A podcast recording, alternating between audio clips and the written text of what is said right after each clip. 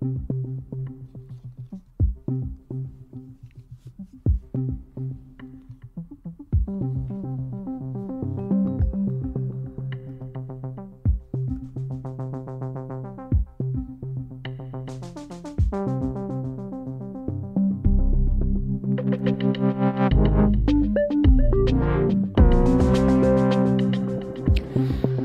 dag skal vi lave et interview, eller det skal vi jo strengt taget ikke. Det, det kan jeg håbe, at, at vi i fællesskab kan komme til. Det kan jeg vende tilbage til lige om lidt. Man skal lave et interview i dag, som, som jeg er en lille smule spændt på. Også fordi det faktisk godt kan vise sig at blive et øh, dårligt interview. Øh, 20 minutter over 8, der ringer jeg til øh, lægen, Vibeke øh, Manike Lægen, og forfatteren, øh, som er på vej med en ny bog om hele øh, coronapandemiens tid i Danmark. Øh, Vibeke Manike er jo en af de fremmeste kritikere, kan man vel godt kalde hende, af hele regeringens coronahåndtering. Og nu er hun altså blevet sat under skærpet tilsyn af Styrelsen for Patientsikkerhed. Ifølge hende selv, så handler det om, at hun uden autorisation øh, har fritaget borgere for at blive coronatestet, og det har altså ligesom medfuldt, at hun er blevet sat under øh, skærpet øh, tilsyn. Øhm, og når man gør det, når man bliver det, så svarer det til, at man bliver kritiseret for at udføre øh, kritisabel faglig virksomhed. Vi prøver at blive lidt klogere på, hvad det er, øh, Vibeke Manneke egentlig mener, der legitimerer den praksis, hun selv har udført øh, kl. 20 minutter over 8. Men hvis du mener, at der er noget bestemt, vi skal spørge hende om, så skal du være hjertens velkommen til at byde ind med dit, øh, med dit spørgsmål. Det kan du gøre i kommentarfeltet, hvis du ser med på Facebook, eller du kan sende os en sms. Øh, du skriver DUA, D-U-A-H, og sender den afsted til øh, 1245.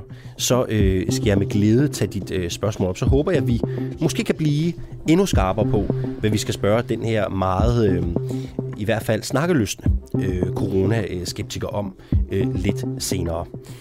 Lyver Imad Kariro fra Luksusfælden, når han siger, at han blev tilbudt et job af produktionsselskabet Metronome, som han slet ikke var kvalificeret til. Det mente han jo, øh, han mente i hvert fald selv, da vi talte med ham i fredags, at han blev tilbudt et job, han ikke på nogen måde havde nogen forudsætninger for at løse, eftersom han ikke havde stort kørekort. Øh, Imad Kariu blev tilbudt et job som skraldemand. I Luksusfælden-programmet siger han, at det er et respektløst tilbud. Det sagde han jo til mig fredag skyldes, at han ikke havde stort kørekort, og at Metronom, som producerer programmet, godt vidste det. Så spørgsmålet er jo så, om et produktionsselskab bevidst har øh, klippet et program anderledes for at stille denne muslimske mand her i et dårligt billede. Metronom de har en anderledes opfattelse af, hvad det var, der skete. Vi prøver at gå lidt videre med den sag øh, her til morgen også.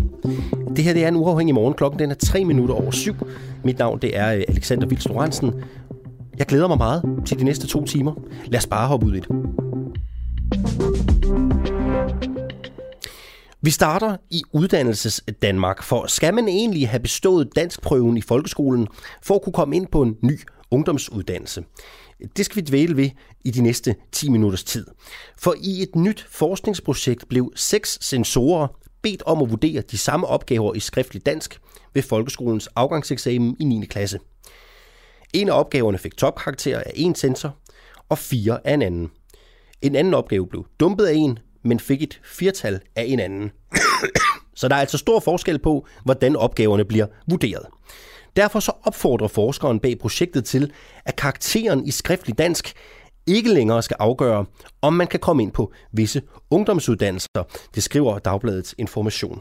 Øh, nu har vi øh, forskeren bag projektet med her til morgen. Godmorgen, øh, Solvej Troelsen. Godmorgen. Du forsker i skrivning i grundskoler på VIA University College, som jo blandt andet lever af at uddanne fremtidens lærere. Hvis ikke ja. karakteren skal afgøre, hvorvidt man skal videre eller ej, og hvor man skal hen, hvad er det så, der skal? Man kan sige, det, det er vel egentlig ikke mig, der skal svare på det. Øh, men det er jo nyt, at karakteren er afgørende. Det har kun været sådan siden 2015, og det er sådan gået lidt upagtet hen, at vi har fået det, der hedder high stakes eksamen i folkeskolen. Det er ikke noget, man har øh, i vores nabolande for eksempel, og det er ikke noget, vi har haft i dansk skole nogensinde før øh, det her med, at man skal bestå øh, folkeskolen for at kunne komme videre.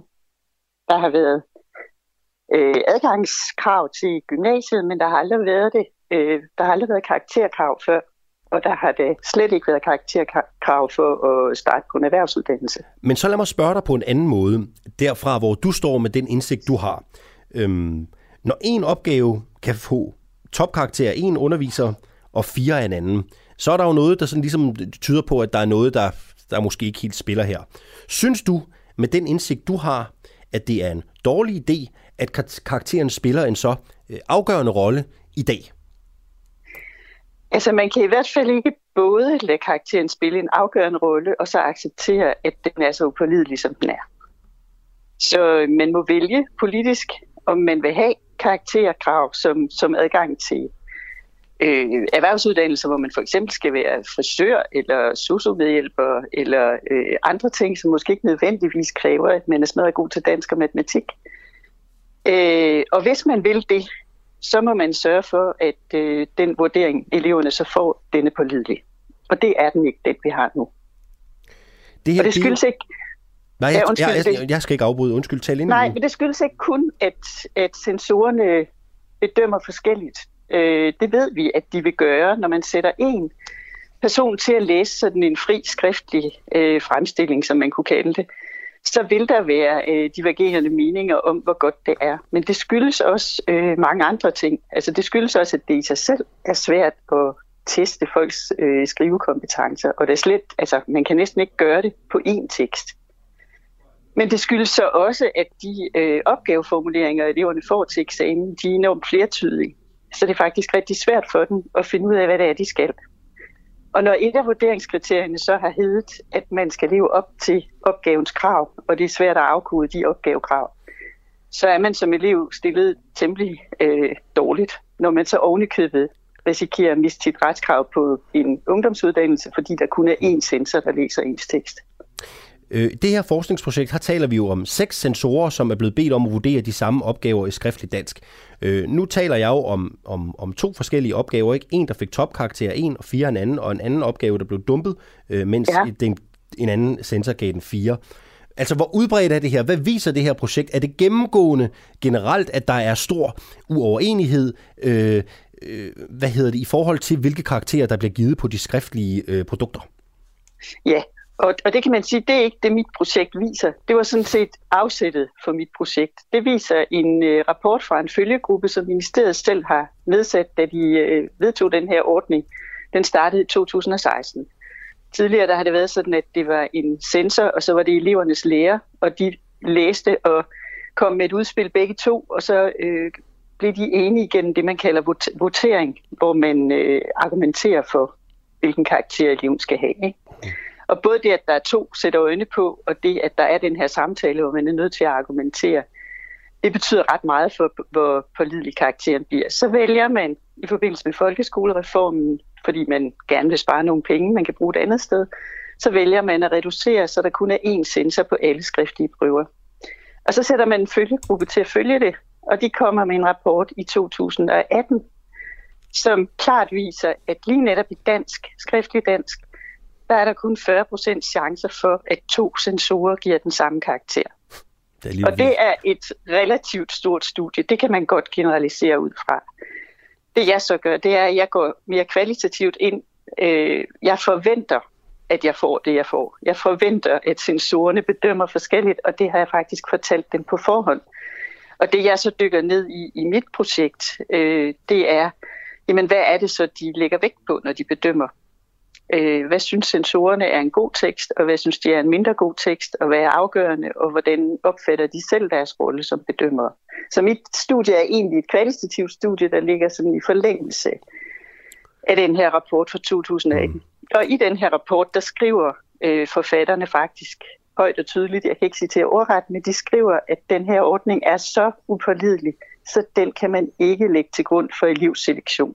Altså, man kan ikke bruge den til at vælge elever ud og sige, mm. om de kan klare sig på en ungdomsuddannelse. Der er jo stor Men det vælger man at på, der er jo stor forskel på øh, der er stor forskel på et fag som matematik, hvor facit ligesom mange ja. gange giver sig selv, øh, og et fag som engelsk, øh, dansk, øh, tysk, you name it, de, de, de sproglige, de, de humanistiske fag, som man også har i folkeskolen.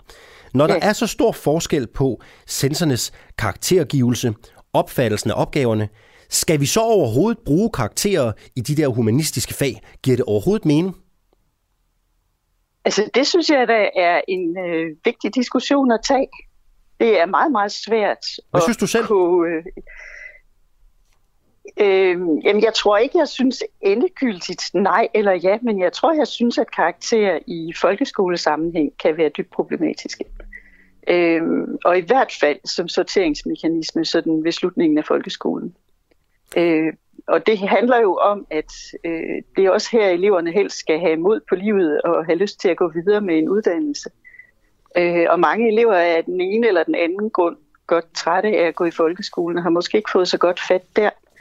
Det synes jeg, vi skal arbejde på, øh, at vi i højere grad bliver gode til, at det er et godt sted at være for alle slags elever. Øh, men hvis man først har fået de her dårlige karakterer med sig, eller har fået prædikatet dumpet, og dermed ikke har muligheden for selv at vælge, hvad man gerne vil videre i sit liv, øh, så tror jeg, det er svært at øh, tage styringen og selv tage ansvar for, øh, hvordan man kommer til at leve.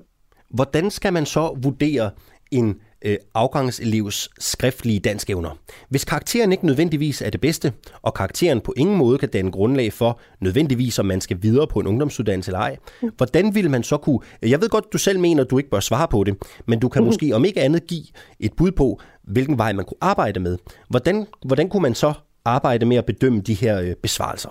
Hvad kunne være en, en mulig model? Men jeg tænker, at der er to ting i det, du siger. Ikke? For den ene, det er diskussionen om karakter eller ikke karakter. Øh, og hvis vi lige parkerer den og siger, jamen der skal jo en eller anden vurdering til, øh, fordi det man bliver mødt med i den her diskussion, det er jo også, jamen det nytter jo ikke noget, eleverne ikke kan noget. Og det skal de selvfølgelig kunne, og det skal man også et eller andet sted kunne vurdere, om de kan. Men hvis man vil gøre det, så er man nødt til at, øh, at lægge de ressourcer i det, der skal til. Så er man nødt til at have øh, prøver, som er lavet, så de fungerer, så man er sikker på, at de måler det, man gerne vil måle. Øh, og i, altså, der findes en forsker i Norge, som er kommet med et forslag til de norske studentereksamensstile. Øh, og han foreslår, at man i stedet for at lade eleverne gå op til en enkelt prøve og skrive en enkelt tekst på en bestemt dag i maj måned, så øh, samler man en slags portefølje hen over øh, sidste skoleår med måske 5, 6, 7 tekster i forskellige genrer. Og dem bedømmer så en øh, en eller to sensorer og elevens lærer i fællesskab. Altså så vil man, så vil man øge øh, det, man kalder både validiteten, altså gyldigheden af, at man rent faktisk måler det, man tror, man måler, og så vil man også sikre, at det bliver mere retfærdigt, fordi der er flere øjne, der ser på elevens tekster. Ikke? Men det er jo dyrt. Hvad koster det? og det er jo nok ved i virkeligheden... Det? Nej, det ved jeg ikke. Mm. Øh, men men jeg, jeg er ikke i tvivl om, at at begrundelsen for, at man gik ned til en bedømmer, det var, at man ville spare ressourcer. Jeg tror til gengæld, at man kommer til at, at mangle dem øh, et andet sted. Fordi der er selvfølgelig også noget med lærernes selvevaluering. Det, at man er i samtale med en det, at man er i samtale med en anden fagperson om, hvor godt ens elever klarer sig, og hvad der er godt ved de tekster, de laver, og hvad der er mindre godt. Det er faglig udvikling, både for sensor og for underviseren. Øh, og det er godt for eleverne, at de har en underviser, der ved, hvad det er, de bliver vurderet på, og som er i dialog med dem, der skal vurdere. Så, så spørgsmålet er, hvor meget man sparer på det. Altså, og ministeriet har mig bekendt ikke regnet på, øh, eller jo, det kan godt være, de har regnet på den. De vil i hvert fald ikke fortælle, øh, hvad de har sparet på at gå over til den ordning. Og det er nok også mere komplekst end som så, ikke? Ja. Altså, netop. Altså, Synes du, at vores politikere er de for fokuseret på tal og karakterer i deres udformning af folkeskolepolitikken? Det er så nok et sted, hvor jeg kan svare klart ja. Okay, øhm, ja. Det er jo dejligt nemt. Det er så dejligt nemt at forholde sig til tal. Og hvis man så kan bilde sig selv ind, at de tal rent faktisk siger noget om det, vi påstår, de siger noget om, så kan man, øh, så kan man øh, tænke forholdsvis enkelt om skolen. Jeg synes, der har været, og nu øh, udtaler jeg mig ikke som forsker, men måske mere som, som debattør. Jeg synes, der har været en tendens til, at hver gang der skulle øh, gøres noget positivt for kvaliteten i vores uddannelsessystem, så har man skruet på indgangsniveau eller udgangsniveau. Ikke? Så har man gjort det svært at komme ind på ungdomsuddannelsen for eksempel, og så har man stillet større krav til eksamen, når eleverne skulle ud igen. Hvem har været værst? Men man gør... Sådan, hvilke regeringer og politikere har været værst, synes du? Det tror jeg, de har været lige gode om okay. i banden. Der er ikke nogen, der har været, der er ikke nogen, der har været strengere eller mere rigide end andre? Nej, og jeg synes, det her fokus, det starter faktisk i nullerne. Det starter, da man i 2006, der gør man prøverne i dansk og matematik obligatoriske. De har faktisk været frivillige siden, to, siden 1960. Øh, og så er der flere og flere prøver, der bliver obligatoriske. Og i, øh, og i 2015 vedtager man så bredt i Folketinget den her erhvervsskolereform, hvor man pludselig sætter karakterkrav på. Og i 2019 vedtager man en karakterkrav for gymnasiet. Så det er sådan en proces, der starter øh, sådan lige efter årtusindskiftet, og så accelererer den bare. Solvej Troelsen, du forsker i skrivning i grundskoler på VIA University College. Tak skal du have, fordi du var med her i en uafhængig morgen her til morgen, hvor klokken den er øh, 16 minutter over øh, syv. Senere her til morgen, der øh, dykker vi ned i Mink-kommissionens arbejde. Jeg får besøg af Jakob Friberg, han er redaktionschef for BT's Gravegruppe. Han kommer i studiet her hos mig cirka kvart i ni. Det gør han, fordi han følger sagen tæt, og han skal fortælle, hvad det kom frem i fredags, da den tidligere direktør i Sundhedsstyrelsen, Søren Brostrøm, blev afhørt i sagen. Spørgsmålet er jo selvfølgelig, hvad Brostrøm vidste om regeringens ulovlige nedslagning af mink i 2020. Det blev vi forhåbentlig klogere på om cirka øh, halvanden øh, times tid. Du lytter lige nu til en uafhængig morgen. Kritisk, nysgerrig og levende radio, som politikerne ikke kan lukke. Vi sender live alle hverdage fra klokken 7 til 9. Lyt med via vores app på DK4 DAB fra vores Facebook-side, eller hvis du bor i hovedstadsområdet på FM-båndet 102,9. Tak til dig, som gør det muligt.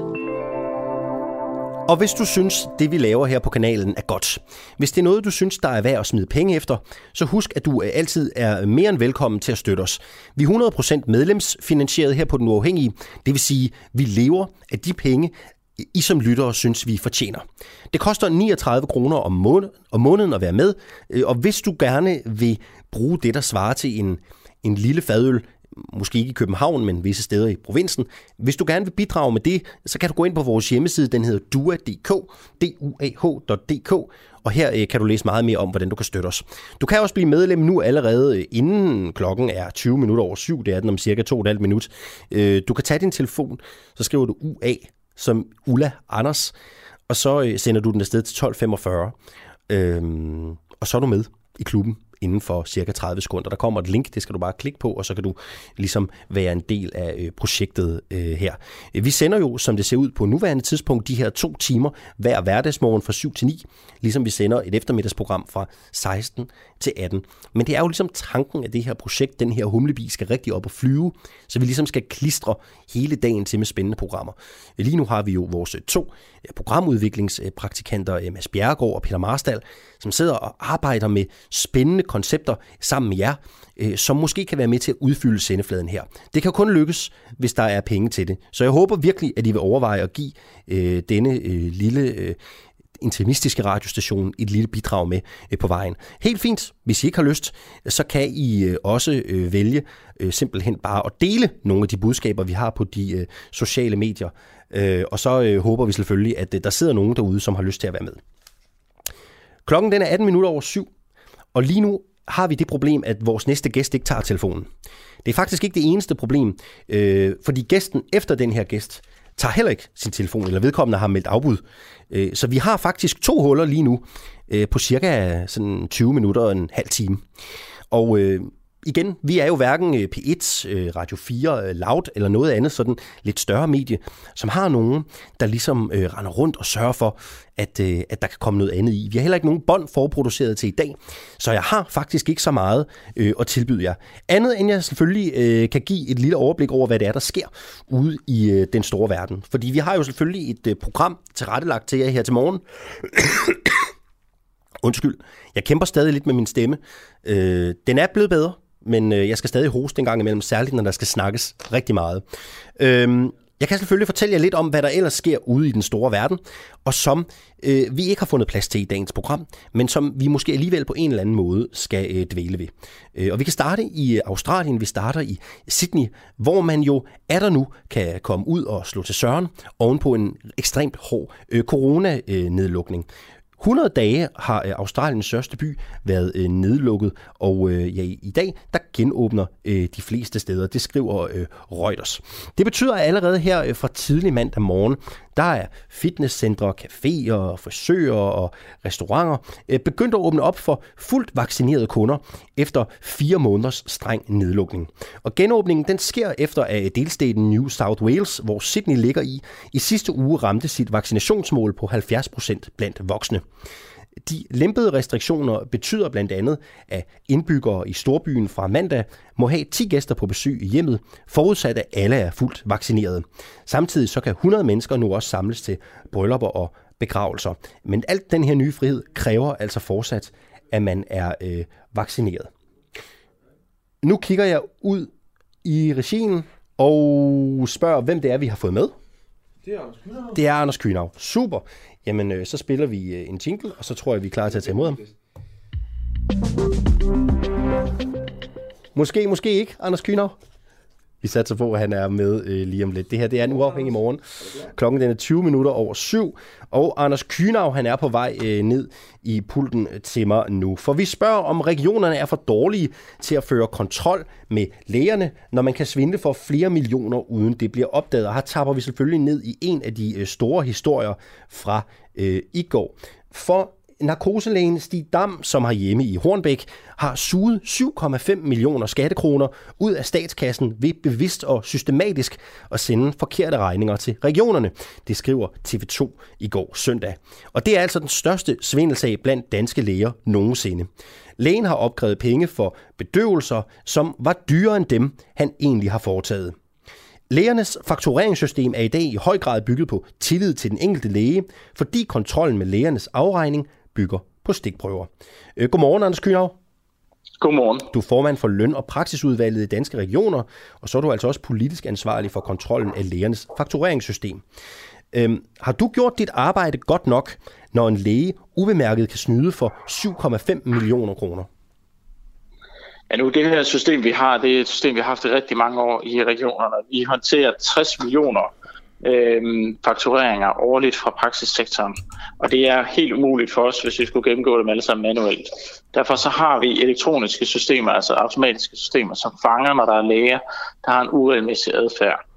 Øh, systemerne kan ikke fange i alle tilfælde, hvis lægerne systematisk øh, fakturerer forkert. Men hvis man har en adfærd, det vil sige, at man har et mønster, som adskiller sig fra gennemsnittet, så bliver man fanget af vores øh, automatiske systemer og så bliver man udtaget til en stikprøvekontrol.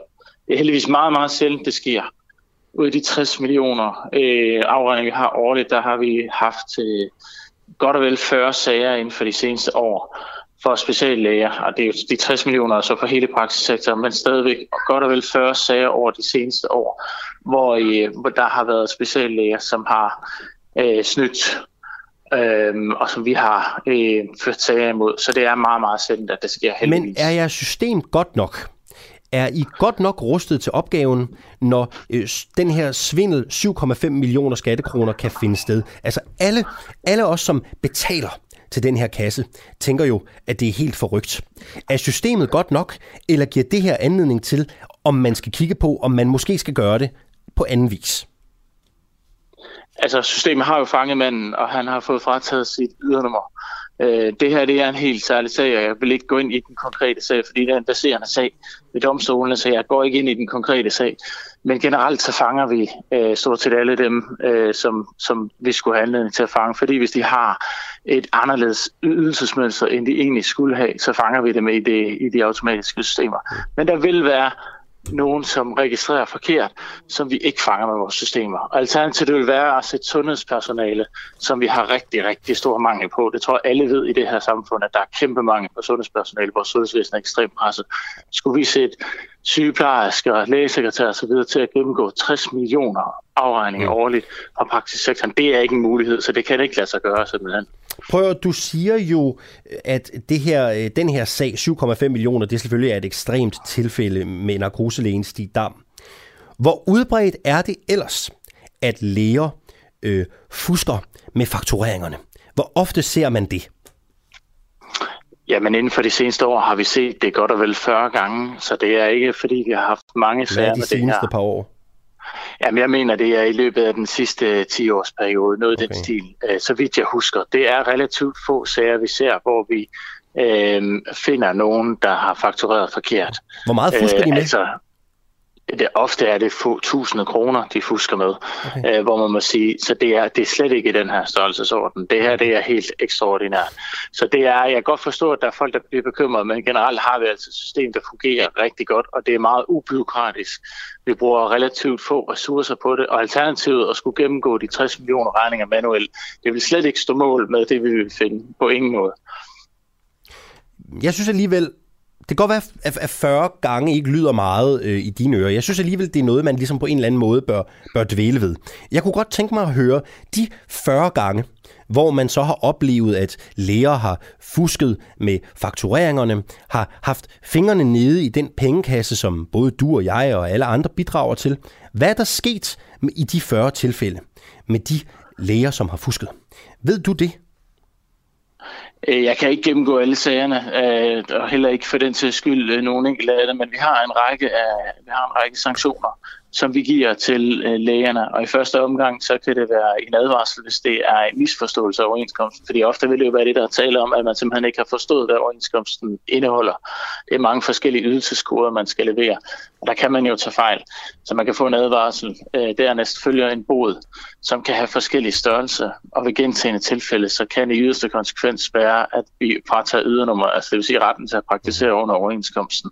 Og det er det, vi har gjort i det, i det her tilfælde, som jeg ellers ikke vil komme har I gjort, til at Har I gjort det, i andre af de der 40 tilfælde over de sidste 10 år? Er der andre, der har mistet deres ydernummer? Jeg kan simpelthen ikke huske alle sagerne, det kan jeg simpelthen ikke, men, men, øh, men der er muligheden for, at vi kan øh, idømme den strengeste sanktion, og det er, at vi fratager ydernummer. Men der skal jo selvfølgelig rigtig meget til, fordi det er jo simpelthen hele levebrød, du tager fra øh, en, øh, en, øh, en, person, en person, der har øh, investeret rigtig mange penge, måske millioner i en klinik, og du fratager muligheden for at øh, praktisere under overenskomsten. Så det er en meget voldsom sanktion, øh, vi idømmer, når vi fratager ydernummeret. Du nævner også i det her interview med mig, at, at der er mange, som på en eller anden måde øh, misforstår noget, når de skal fakturere. Er det de ikke, der er mange, men Nej, der, men der er, er nogen. Der... Det, det er derfor, altså, størstedelen af dem, som bruger jeg ordet fusker, ikke? det kan så være, at der er nogen, der misforstår det. Ved du, at størstedelen af de, der måtte have faktureret en tand for meget, gør det, fordi at de ikke forstår reglerne eller misforstår noget. Ved, ved du det, eller, eller kan du ikke udelukke, at folk bare fusker? Jeg kan ikke udelukke, at der er nogen, der svindler øh, med det. Det kan jeg ikke. Øh, og hvis vi har indtryk af, at de svindler, så er det klart, så er vores sanktioner også rigtig hårde. Øh, fordi det vil vi selvfølgelig gøre med til. Øh, men men øh, uanset hvad, så, øh, så berettiger det ikke en til at lave fejl, at man ikke kender overenskomsten. Man skal selvfølgelig overholde overenskomsten. Sådan er det jo også, når vi kører på vejene. Selvom man kører for hurtigt, så kan man jo ikke sige, at man vidste ikke, jeg ikke måtte køre hurtigere her. Ja, det er jo ens eget ansvar at sørge for det. Men der er alligevel forskel på, øh, om man øh, selvfølgelig gør det bevidst med, med svinden for, altså for at svinde simpelthen. Og hvis man gør det, så er det klart, så hvis vi har indtryk af det, og hvis vi måske endda nærmest kan dokumentere det, jamen så er det klart, at så falder hammeren over øh, i de tilfælde, hvor der kan være tale om mindre misforståelser.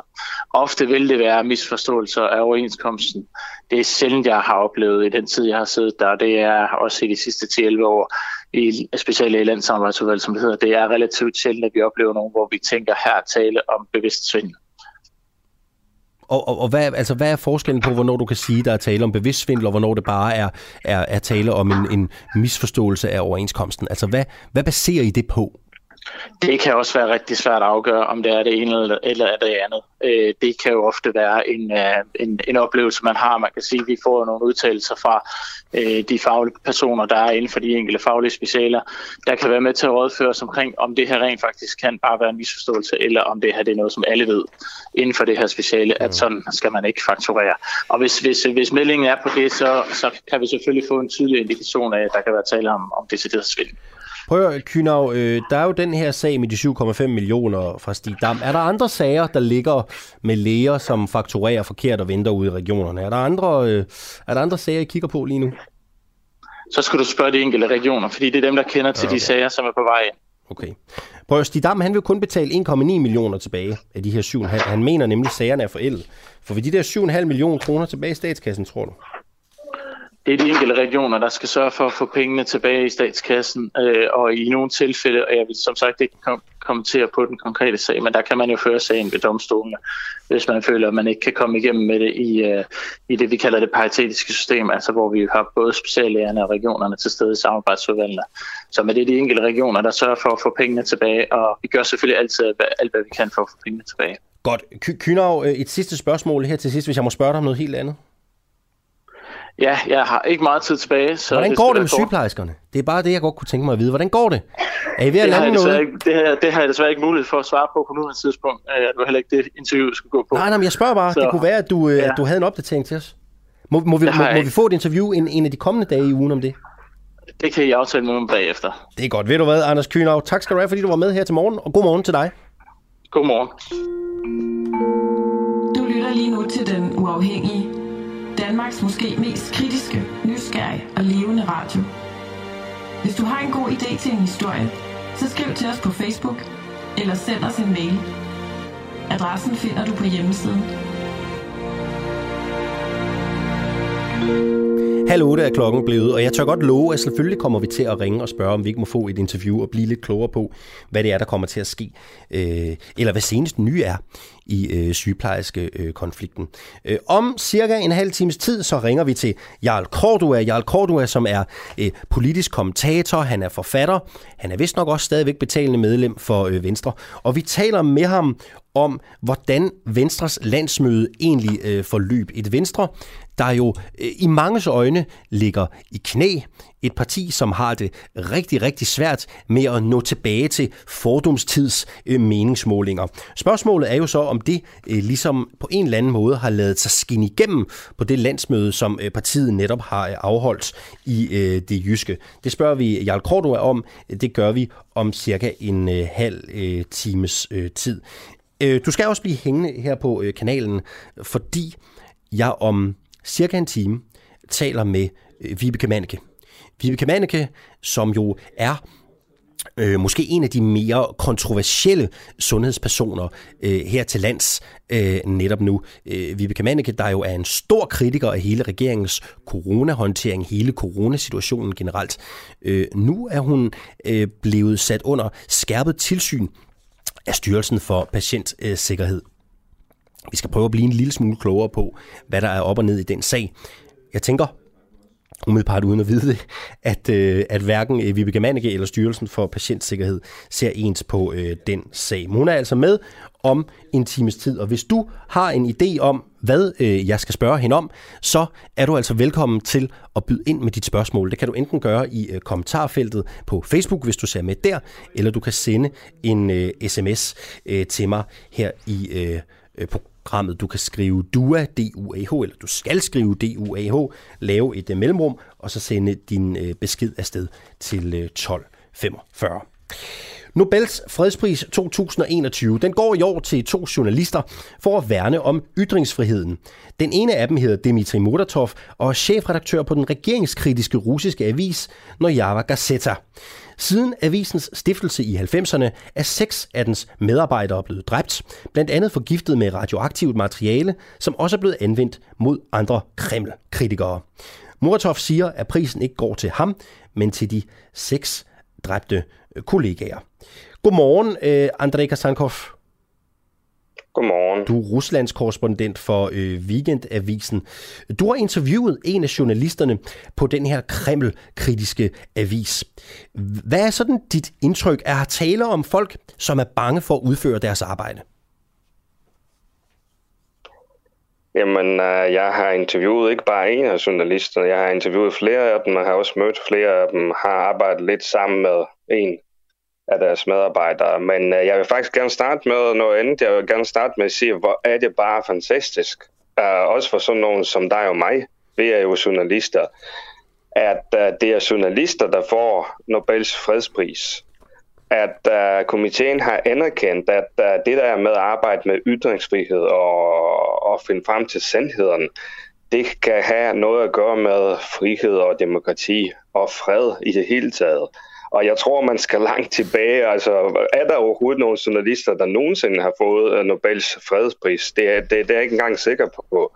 Uh, det kan godt være, at der var nogle menneskerettighedsforkæmpere, der også var journalister ved siden af, der har fået den. Men sådan at man direkte får det for sit journalistiske arbejde, det er fuldstændig unikt og meget, meget fortjent uh, her.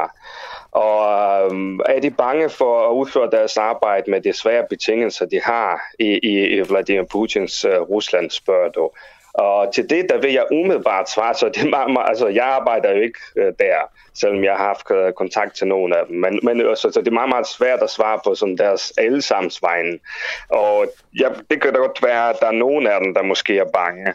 Men umiddelbart så vil jeg vurdere, hvis man er bange, så arbejder man ikke for den avis. Altså, så laver man noget andet i stedet for.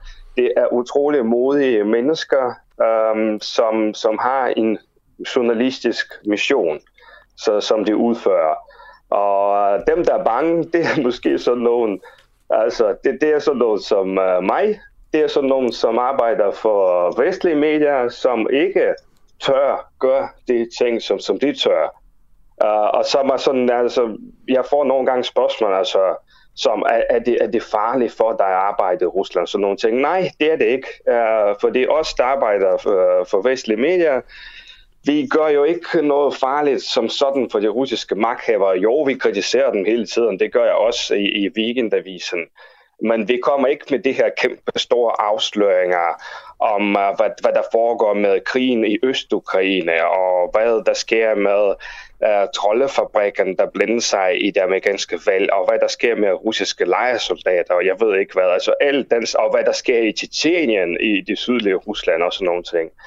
Uh, det er Novaya Gazeta og andre modige russiske journalister, der graver den slags historier frem, så vi andre bare kan videregive uh, de informationer, som, som de finder. Kasankov, hvad er det for repræsalier og trusler, de her journalister lever med i hverdagen? Hvad er det, de møder for uh, politiske forhindringer, når de forsøger at bedrive deres journalistik?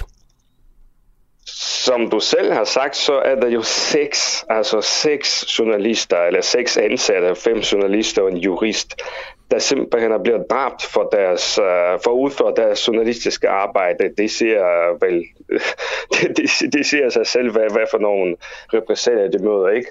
Men der er masser af trusler, der er der er sådan nogle uh, ting, der bliver sendt til dem, altså for ligesom uh, altså pulver for eksempel, altså bare for at signalere, at altså, vi, vi holder øje med, hvad der foregår her, ikke? og sådan nogle ting. Der, der er direkte trusler. For eksempel, at uh, jeg tror, at ret mange i Danmark kender nok uh, Anna Politkovskaya, som er den mest berømte af de seks dræbte journalister. Hun arbejder jo meget med Tjetjenien, nu er der en anden en, der arbejder med Tjetjenien i stedet for hende. Milasena hedder hun. Hun er blevet jævnligt truet offentligt af Tjetjeniens leder, Ramzan Kadyrov, der mere eller mindre har indikeret, at hun skal slås ihjel. Uh, det er sådan noget, man, man har gået med. Der er en anden journalist, der på et tidspunkt blev truet af, um, af ham, der står i spidsen for Ruslands efterforskningskomité, altså også en, en, en, en mand med meget magt, som uh, havde ham med uh, i, øh, sin skov, hvor han også truede simpelthen fysisk med at dræbe ham. Og Muratov, uh, chefredaktøren, som har fået Nobels fredspris, han måtte jo gå ind i sagen og ligesom prøve at tage den på sig i stedet for. Ikke sådan, at det, det er ligesom at ham myndighederne kommunikerer med i, det, i den slags situationer. Det er også derfor, jeg synes, at der selvom man godt kunne overveje, om ikke prisen bare skulle gives til avisen som sådan, at det er okay, at han får den, fordi at han, er, han er en klippe, der altid er der for sine journalister, som, som elsker ham, selvom at det sådan er til daglig er det jo et sted, hvor folk øh, uh, skændes ret meget og, og råber hinanden og sådan nogle ting, fordi det er nogle øh, stærke personligheder, der arbejder på den avis. Kasankov, når der er så stor modstand fra Kreml fra russisk politisk side. Hvordan kan det så overhovedet være, at den her avis stadigvæk eksisterer? Det er fordi, at det er jo en misforståelse, når man, når man tror, at der ikke findes uh, kritisk presse i Rusland, eller at, at, at, at Kreml forfølger alt, hvad der hedder kritisk presse. Uh, der er faktisk plads til, til at være til at være... Altså, der er nogle øh, kritiske medier i Rusland. Der er Nova Gazeta, der er nogle andre viser, der er en radiostation, der er en tv-station, øh, der så ikke får lov til, til at... Altså, så skal man... Øh, det er en betalingskanal, om man så må sige, ikke? Så der er nogle mindre medier. Det er det, det, som Putins øh, styre især har sørget for, det er, at der ikke er nogen store medier, nogen store tv-kanaler, der er regeringskritiske, magtkritiske. Og så kan man godt have sådan nogle lidt, altså det er jo ikke engang en, en stor avis, det er måske en mellemstor avis i bedst fald. Og det kan, det kan det godt tolerere uh, til en vis grad, ikke? Og så, så kan der godt komme nogle situationer, hvor, hvor det så alligevel går efter, efter, efter dem, der skriver nogle dårlige ting øh, om dem. Men til en vis grad, så, så kan de godt tolerere det, også fordi, at altså, på, på den ene side, så kan de pege på det her kritiske medier og sige, jamen vi har sgu ikke nogen problemer med ytringsfriheden. Uh, vi, der er masser af medier, som kritiserer os hver dag. Der er masser af medier, som kritiserer, russiske medier, som kritiserer Putin hver dag. Uh, og på den anden side, så er der også, uh, så, uh, altså, for at sige som det er, så er det nemmere for dem at finde ud af, hvad der faktisk øh, sker i Rusland. Nova kassetter for eksempel, den bliver læst rigtig, rigtig meget, især øh, hos øh, Ruslands efter, øh, hvad hedder det, efterretningstjeneste FSB, og også øh, hos det russiske forsvarsministerium. Og på et tidspunkt, der kan jeg godt huske, hvordan uh, Ruslands forsvarsminister, han var interesseret, især interesseret i nogle artikler omkring uh, korruptionen i, i, i forsvarsministeriet. Ikke? Uh, så så det, det, den, den får lov til at være der, og, og uh, lige for tiden er der jo forresten uh, ret mange mindre russiske medier, der bliver mere eller mindre lukket, kan man sige. Ikke? Eller i hvert fald stemplet som fremmedagenter, hvilket gør det næsten umuligt for dem at blive ved med at arbejde i Rusland. Men Nova Gazeta bliver nok, altså det bliver nok måske den sidste avis, der får uh, så, altså der bliver stemplet sådan. Uh, umiddelbart, det har, det har en slags uh, særstatus, så det får lov mm. til til at blive ved med at arbejde under ret svære betingelser, selvfølgelig. Kasankov, øh, inden jeg slipper dig, så, så kunne jeg godt tænke mig at spørge dig om noget ind til dig. Du, er, øh, du arbejder for en vestlig avis og korrespondent i Rusland. Har du selv oplevet at blive truet eller blive presset af den russiske regering?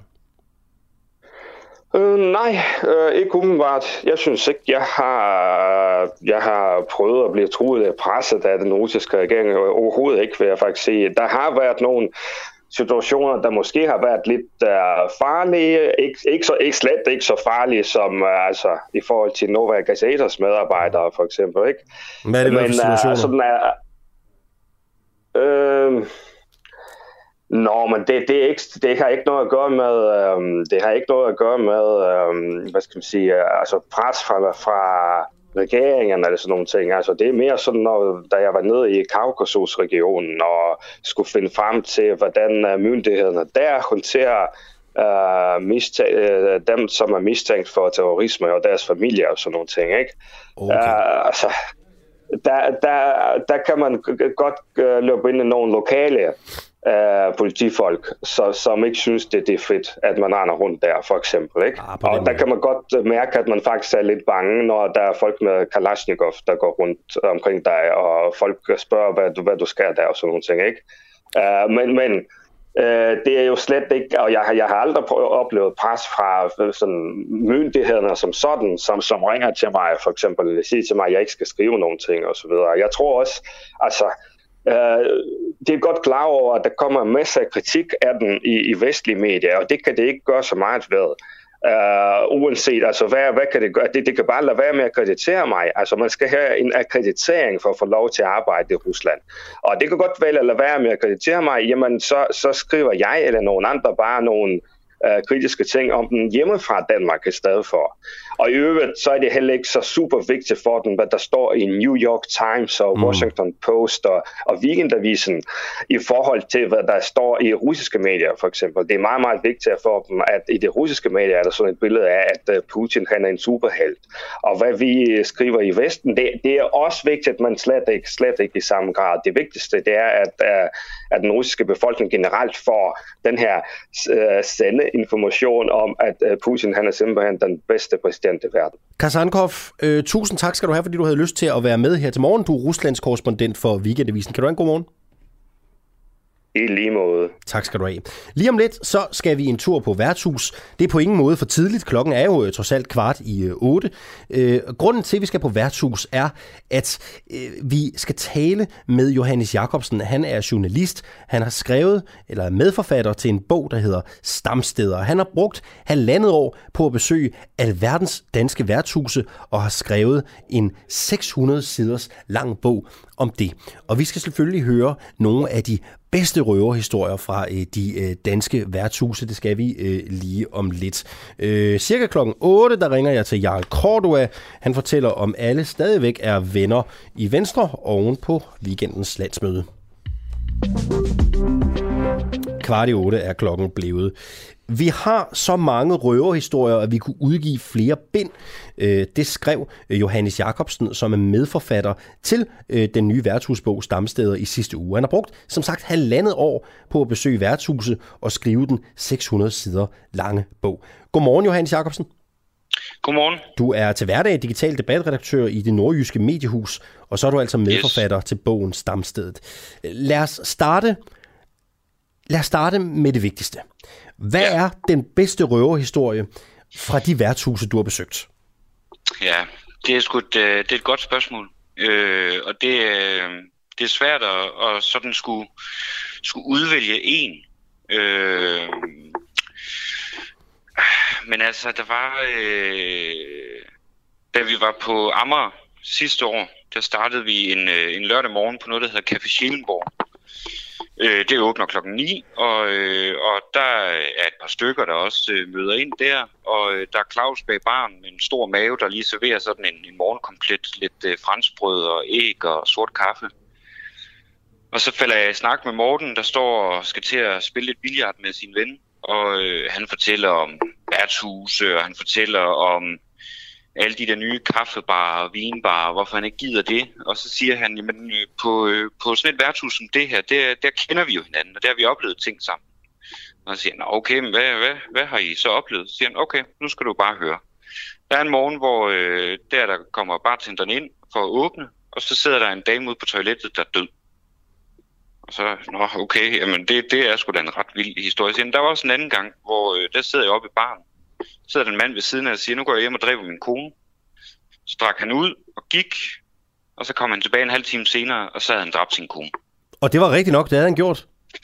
Altså, det er jo noget af det, der også lidt er ved, ved den her bog, det er, at der er mange af de her ting, vi simpelthen bliver nødt til bare at, øh, at tage for det, de er. Øh, røverhistorier. Øh, men øh, altså, de siger, at, øh, at den er god nok, at øh, han gik hjem og, og dræbte sin kone. Fik han serveret en øl, da han kom tilbage og sagde, at han havde dræbt konen? Sk- sk- ja, det gjorde Skænkede de en øl til ham? Ja, det gjorde de. Okay, jamen altså, hold op. Ja, ja det var sgu det. Det var egentlig en vild, det var egentlig to, ja, det... det var egentlig to vilde historier. Det, det, ja. tænker, det tænker jeg ikke ret mange kan, kan overgå. Øhm, Prøv at høre, mange har jo en idé om, hvad det er for skæbner, der kommer på et værtshus. Øh, hvad det er for en type mennesker, der sidder der. ikke. Altså, øh, du nævner det selv, øh, mange af de her værtshuse åbner klokken 8 eller klokken 9, ikke? og så er der jo ligesom et fast klientel, som sidder der i hvert fald til mm. først ud på aftenen, og så kommer der måske dem, som har fået fri fra arbejde, skal en fyraftensøl. Ja, øhm, præcis. Hvad er det for en type mennesker, som frekventerer de her gamle steder? Kan man skære dem over med en kamp, eller er det et meget hvad skal man sige, diverst billede? Altså, det, det, det er svært at skære det over i en kamp. Øh, også fordi, som du helt rigtigt siger, der er ligesom to afdelinger. Øh, altså der, der er sådan de, de faste, øh, der kommer øh, morgen og, og eftermiddag, og så, så trisser de hjem klokken 4-5 stykker, når ja, folk begynder at, at trille ind til fyraftensøllen, og når de unge begynder at komme om aftenen. Øh, men, men selv de der, de der faste gæster, der, der kommer tidligere på dagen, det er så sindssygt forskelligt øh, fra sted til sted. Tit har det noget med, med bydelen at gøre, med kvarteret at gøre. Hvor ligger det her værtshus henne på, på gaden, og hvem bor i området?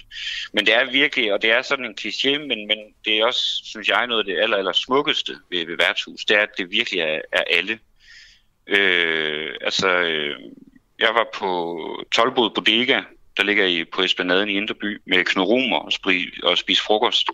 Der er han kommet i 40 år. Øh, og, øh, og, og altså, det er jo en stor forfatter, han har været radiovært og alt muligt, men altså, han, han kommer øh, nærmest dagligt på, på det samme værtshus.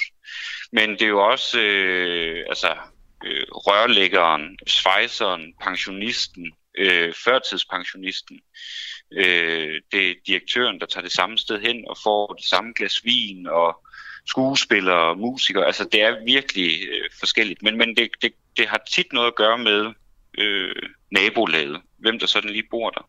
Altså der er meget, meget stor forskel på at gå på Bobibar i Inderby, og så tage på øh, Frihavnskronen på Østerbro og så videre, så videre. Så, så det er godt nok øh, meget, meget forskelligt, hvem der kommer. Hvad med Jylland kontra København, øh, Fyn, altså hovedstaden kontra andre egne af landet? Er der mm. forskelle i klientellet der? Nej, det altså nu, jeg har ikke, jeg har, jeg har været på mange værtshus i Jylland også, men, øh, men jeg har ikke sådan studeret dem på samme måde. Men, men min, min, min vurdering er, at det er fuldstændig det samme. At øh, det, det er høj og lav, og, øh, og det er meget steder, der gerne vil, vil have et sted at, at være social, og have sådan et, et lille frirum. Altså, der, der er sådan, der er en, en måde at være på, når man er på værtshus. Og, øh, og, og folk har meget sådan antennerne ude, og man kommer hinanden ved på, på kryds og tværs af bordene, hvilket er i stærk kontrast til mange andre steder i samfundet i dag. Så, så det er ofte altså, mennesker, der sådan gerne vil noget socialt og vil noget, noget fællesskab. Og, og det, det synes jeg også, det er på, på, i, i Jylland. Øh, altså, jeg har også været på værtshus øh, i Nykøbing Mors, øh, hvor det var, var, også var... Der skulle man også lige vide, øh, hvordan man skulle gebære sig, ikke? Altså, men, men det var også... Øh... Det er en skrøne, at man får et røvfuld på sådan et vestjysk værtshus, ikke? Altså, vi var... Jeg, jeg har været på øh, Don Mus, hedder det så smukt, i øh, Nykøbing Mors, hvor øh, aftenen forløber rigtig, rigtig fint, indtil der er en fra øh, Glyngøre lige over på den anden side af, af vandet. Øh, han øh, er kørt på sin scooter i øh, termokædeldragt hele vejen over til Nykøbing for at skabe lidt ballade der var vi, der var vi tæt på at få en, øh, en røvfuld. Øh, og det var jo selvfølgelig, fordi vi, altså vi kom hverken fra Glyngøre eller fra Nykøbing. Øh, vi var, vi var helt over fra øh, Aalborg, ja. øh, så, så der, var vi, der var vi tæt på at, at få på hovedet. Simpelthen fordi I kom fra Aalborg? Ja.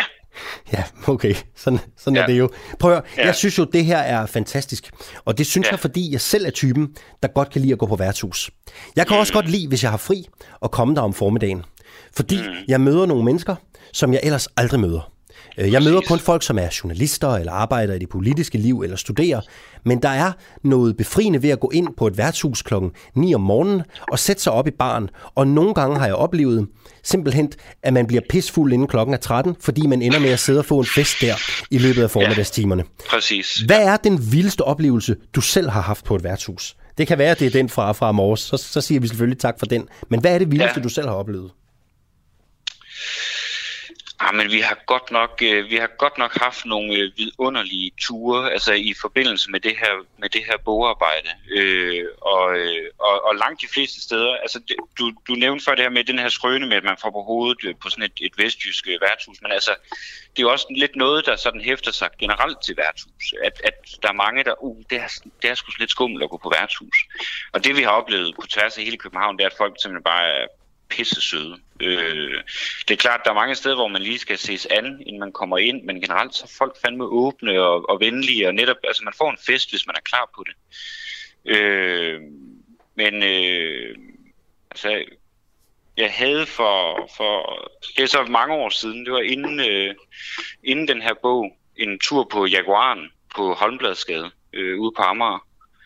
Og øh, det var sådan dengang Jaguaren stadig døjede lidt med sådan et, et ry for at være et, et rock- Der var vist en, der var blevet stukket ned et par år for inden og sådan noget. Øh, der havde jeg et par aftener, hvor øh, de havde ansat en, en bartender, øh, Jakob, til at, ligesom at, at rydde op øh, på værtshuset. Og øh, det gjorde han altså med, med hård hånd. Og øh, det har jeg også oplevet, hvor øh, vi sad i baren, og han havde sine to sejlerkammerater, øh, der også sad der sådan nogle to kæmpe store brød. Øh, de havde sejlet på alle verdens have, og de kunne simpelthen fortælle de vildeste historier. De havde engang købt et værtshus øh, i Martinique i Karibien, udelukkende for at tæske de svenskere, der var derinde. Øh, men, øh, men den aften der kommer der også to øh, jyske håndværkere ind, som går galt af stemningen og måden at være på på Jaguaren. Og de får det pænt at vide et par gange. Og så til sidst så siger han, lige nu der har I 30 sekunder til at forlade stedet. Og det gjorde de så ikke. Og så, øh, så de her tre store, store mænd, de fulgte venligt de her to jyske håndværkere ud. Og så, så kan man så forestille sig, hvad der skete. Og så kom de ind igen, og så, øh, så sagde han så til os, Harry, øh, min ven Harry, Harry Johannes, hvis det havde været jer, så havde jeg bare slået jeres hoveder sammen, og så havde jeg sagt, nu opfører jeg fandme ordentligt. Ikke? Så sagde han, men det, det kan jeg sgu ikke, når det er nogen udefra. Så bliver de nødt til at lære det på den hårde måde. Og så drak vi videre. Og så stoppede historien ligesom der. Så der er yes. ingen, der vidste, hvad der skete efterfølgende. Ved du hvad? Nej. Prøv at høre, fantastisk. Øh, Johannes Jacobsen, tusind tak skal du have, fordi du var med øh, her til morgen. Ja, og god morgen, øh, god morgen til dig. Ja, tak lige måde. Og jeg kan så sige, øh, hvis jeg skal kvittere med en historie fra eget liv, så var jeg engang øh, også i øh, det syd- og sønderjyske i byen sammen med en øh, god ven. Vi er begge to øh, heteromænd, øh, og vi oplever så lige pludselig, at der er sådan en stor gruppe store mænd, som sætter i løb efter os.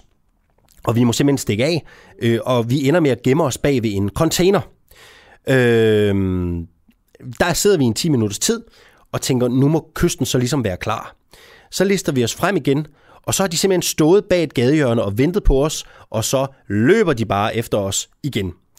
Øh, vi når at komme i læ på et øh, værtshus, og øh, vi fortæller så bartenderen, hvad det er, vi har oplevet. Og så siger bartenderen, Nå, vi er jo heller ikke vant til så mange som jer hernede. Så siger vi, øh, kigger vi begge to på hinanden og kigger på bartenderen og siger, du mener øh, journalister? Nej, øh, bøsser, siger bartenderen så. Du lytter til Den Uafhængige. Danmarks måske mest kritiske, nysgerrige og levende taleradio, som politikerne ikke kan lukke. Mere end 3.000 medlemmer støtter os allerede, og jo flere vi er, jo mere og jo bedre journalistik kan vi sende ud til dig. Se hvordan du kan støtte os. Gå ind på duah.dk. Det skabte noget af en shitstorm på sociale medier, da i mat for åben skærm nægtede at tage et job som skraldemand i sidste uges afsnit af Luksusfælden. I Mart, han fortalte os fredag, at produktionsselskabet Metronom bevidst har smidt ham under bussen, for jobbet som skraldemand krævede lastbilkørekort, som han ikke har, og dermed kunne han aldrig have fået jobbet, og det vidste Metronom godt.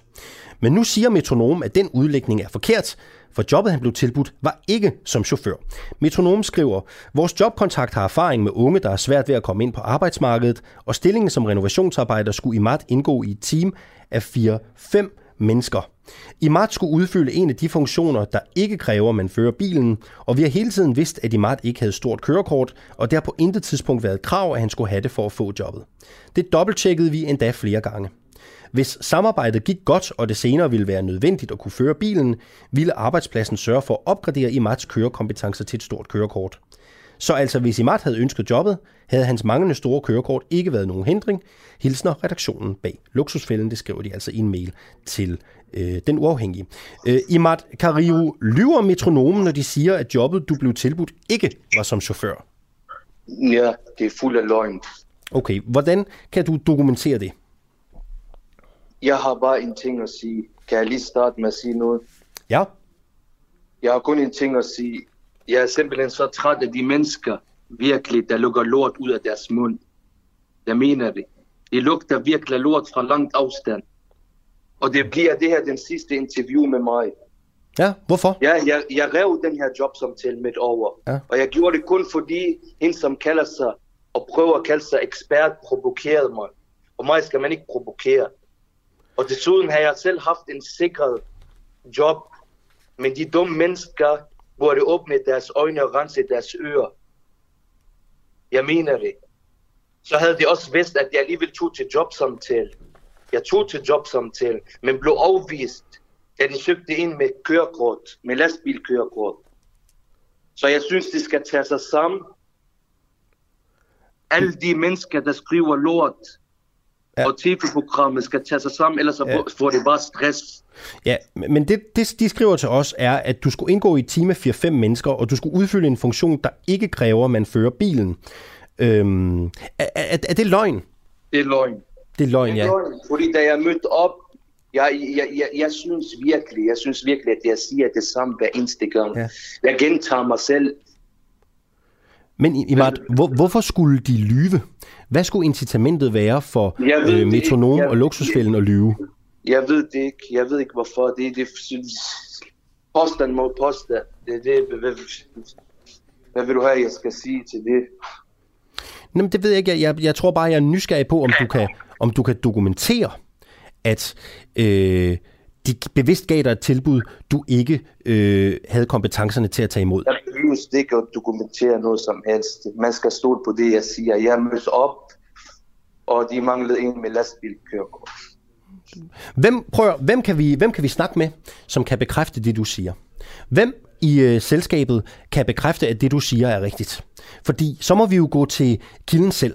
Så må vi jo gå til en i det pågældende selskab og spørge, hvad der er op og ned. For hvis øh, du påstår, at metronom lyver, og metronom siger, at du ikke siger sandheden, så må vi jo spørge en tredje part. Hvem, hvem ved noget om det her konkrete job, det firma, du var øh, til samtale i? Ingen, ingen, ingen ønsker at deltage til den debat. Hvor ved du det fra? Imad øh, lagde simpelthen på. Øh, Imad Kario, kendt fra Luksusfælden, øh, ønskede til synligheden ikke at øh, være med længere. Øh, det her, det er jo også en svær sag, ikke? for det er jo øh, lidt påstand mod øh, påstand. Øh, jeg forstår så ikke, hvorfor Imad stiller op, hvis han ikke har lyst til at svare på spørgsmålene. Øh, det kan jo godt være, at vi aldrig bliver klogere på, hvorvidt det er Imat eller metronom, der taler sandt i, øh, i den her øh, sag. Øh, vi havde jo i hvert fald her på redaktionen lyst til at teste øh, hans argumenter af, efter vi havde talt med ham i fredags, og derfor kontakter vi jo naturligvis Metronom, som producerer luksusfælden for TV3. Og de skriver altså, at der ikke var tale om et job, der krævede et øh, kørekort. Øh, jeg ved også godt, det, det kan jo godt være, vi, vi kan ikke, vi kan ikke øh, få øh, den fulde sandhed nødvendigvis fra Imart, det kan vi heller ikke fra Metronom. Det er derfor, jeg sådan ligesom forsøgte at få øh, Imart til at svare på, hvem mon der ellers ville kunne øh, give sådan et klart svar. For jeg tænker, der må sidde en eller anden i den anden ende, som ansætter, som ved et eller andet om, hvad det egentlig var for et job, der øh, var, øh, var at tale om. Men øh, det blev altså et kort interview med Imad øh, øh, Kariu. Øh, så kan I jo ligesom selv vurdere, hvad I synes, der lyder mest øh, plausibelt, kan vide, hvem der taler sandt eller ej. Oliver, det er Jarl Korto nu, ikke? Jo. Super. Klokken den er to minutter over otte. Nu skal vi dvæle ved øh, Venstre, Danmarks Liberale Parti, som har holdt årsmøde, eller landsmøde hedder det måske i virkeligheden her i øh, weekenden i øh, det jyske. Et parti, der jo på mange måder øh, spejder lidt efter Fordums tids øh, succes. Øh, men de mødtes altså i, i weekenden for at øh, samles omkring øh, taler, omkring øh, visioner, øh, og alt det, som nu kendetegnes ved sådan et øh, politisk øh, landsmøde. Godmorgen, Jarl Cordua. Godmorgen. Er de stadigvæk venner i Venstre alle sammen efter weekendens øh, landsmøde? Ja, det kan man godt sige. De er blevet rystet sammen, og, og det øh, er jo Venstre jo det eneste parti, som har haft behov for. Øh, men måske lidt mere end alle mulige andre øh, efter to år, med, hvor corona har lidt som sørget for, at man ikke kunne, kunne ses. Øh, det har været vigtigt, og man har kunne se hinanden i øjnene, at formanden har kunne sige goddag til hver enkelt delegeret, når de træder ind der øh, lørdag morgen. Øh, at han har kunne holde nogle taler, hvor han har sat nogle ord på alt det der, de har været igennem. Øh, Jeg kalder det for de, de, de store skismager. Altså de, mm. de, de situationer, hvor, hvor både Lykke og, og hvad hedder hun, øh, øh, Inger Støjberg har forladt partiet under øh, temmelig øh, dramatiske omstændigheder. Prøv at høre, hvorfor er det Lykke, han bliver ved med at spøge kulissen i Venstre? Fordi jeg synes jo også at have læst noget om, at, øh, at han altså ikke helt slap fra øh, lidt opmærksomhed øh, i, i talerne og i interviewsene på, på det forgangne landsmøde.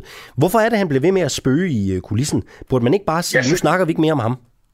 Jeg, jeg, jeg synes, det er ret oplagt af en, øh, en, en, en formand, øh, tidligere formand, der var leder af partiet 10 år, som sad med i ledelsen i 20 år, øh, som i øvrigt er på mange måder sådan ingeniøren bag alt det her fritvalg øh, og, og frihedsdagsorden, som man jo i øvrigt også øh, brugte meget tid på at, at tale op omkring, jamen, at, at der er han en af grundlæggerne, og en af dem, der faktisk har, har fået øh, det iværksat i noget, i noget, i noget sådan egentlig konkret politik. Så, så altså, hans, hans betydning for Venstre og, og, og liberalisme i Danmark kan man slet ikke undervurdere. Øh, så, så det, jeg synes ikke, det er mærkeligt, og at, at han er en person, man ligesom skal, også skal have et opgør med.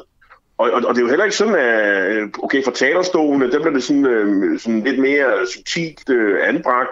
Øh, man nævner ikke rigtig hans navn, men, men øh, det er jo ikke sådan, øh, fordi at koryfærerne, når de ligesom bliver spurgt af, af pressen, jeg kan sige, at Claus Hjort har forholdt sig til det, Anders Fogh har forholdt sig til det, og også Ellemann har forholdt sig til, at, at, at han ikke er i partiet længere. Og, men der er jo også en, en fælles øh, opfattelse af, at, at altså, det må man så bare komme øh, videre fra. Altså, han har jo selv truffet det valg, og det er man så skuffet over.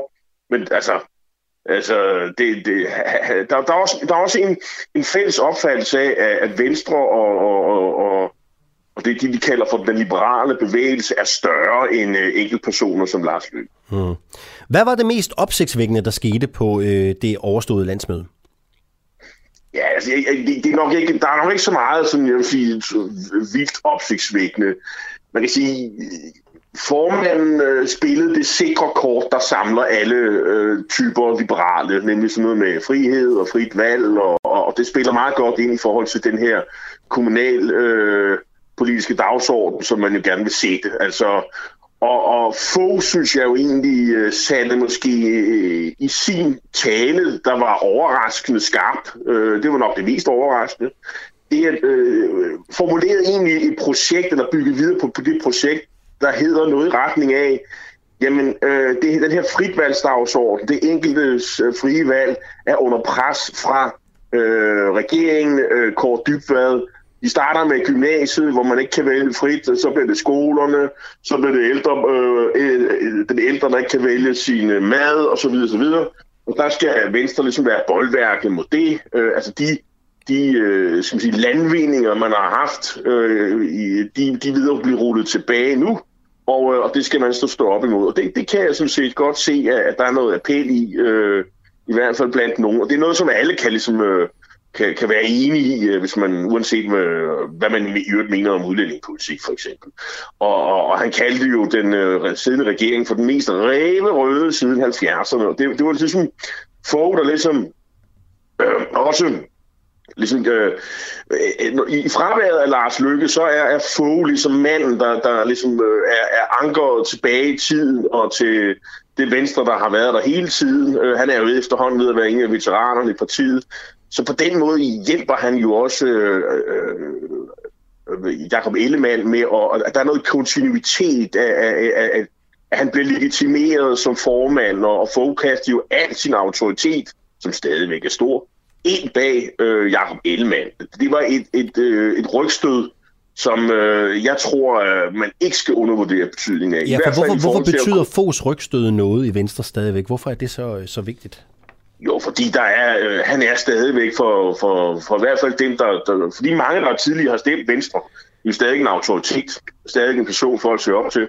Øh, en, som de, de længes tilbage til. Jeg kan sige ikke, det er, det er dem alle sammen, men, men, men det er jo øh, i høj grad Venstre storhedstid, han repræsenterer.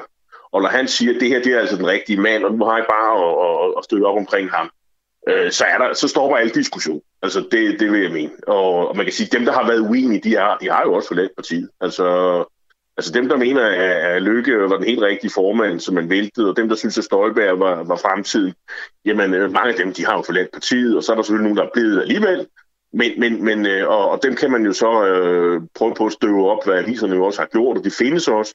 Men, men dem, der betyder noget, dem, der sidder og er med til landsmødet, de er ikke i tvivl om. Det er altså Ellemann, man kører med. Og så kan det godt være, at man godt kunne tænke sig, at han havde en lidt skarpere appel, og at han var på en anden måde, og meningsmålingerne var bedre, men det er altså ham, man har at køre med, og der er ikke rigtig nogen alternativer. Og, og det har man også ligesom affundet sig med, det er sådan, det er. Det er nye tider i Venstre. Prøv at høre, det kan godt være, at det er en, øh, en kantet udmelding, men ud fra det her, jeg også lidt hørt at sige, så var det måske i virkeligheden et ret kedeligt landsmøde. I hvert fald for alle andre end folk, der stemmer Venstre. Kan der være noget om det?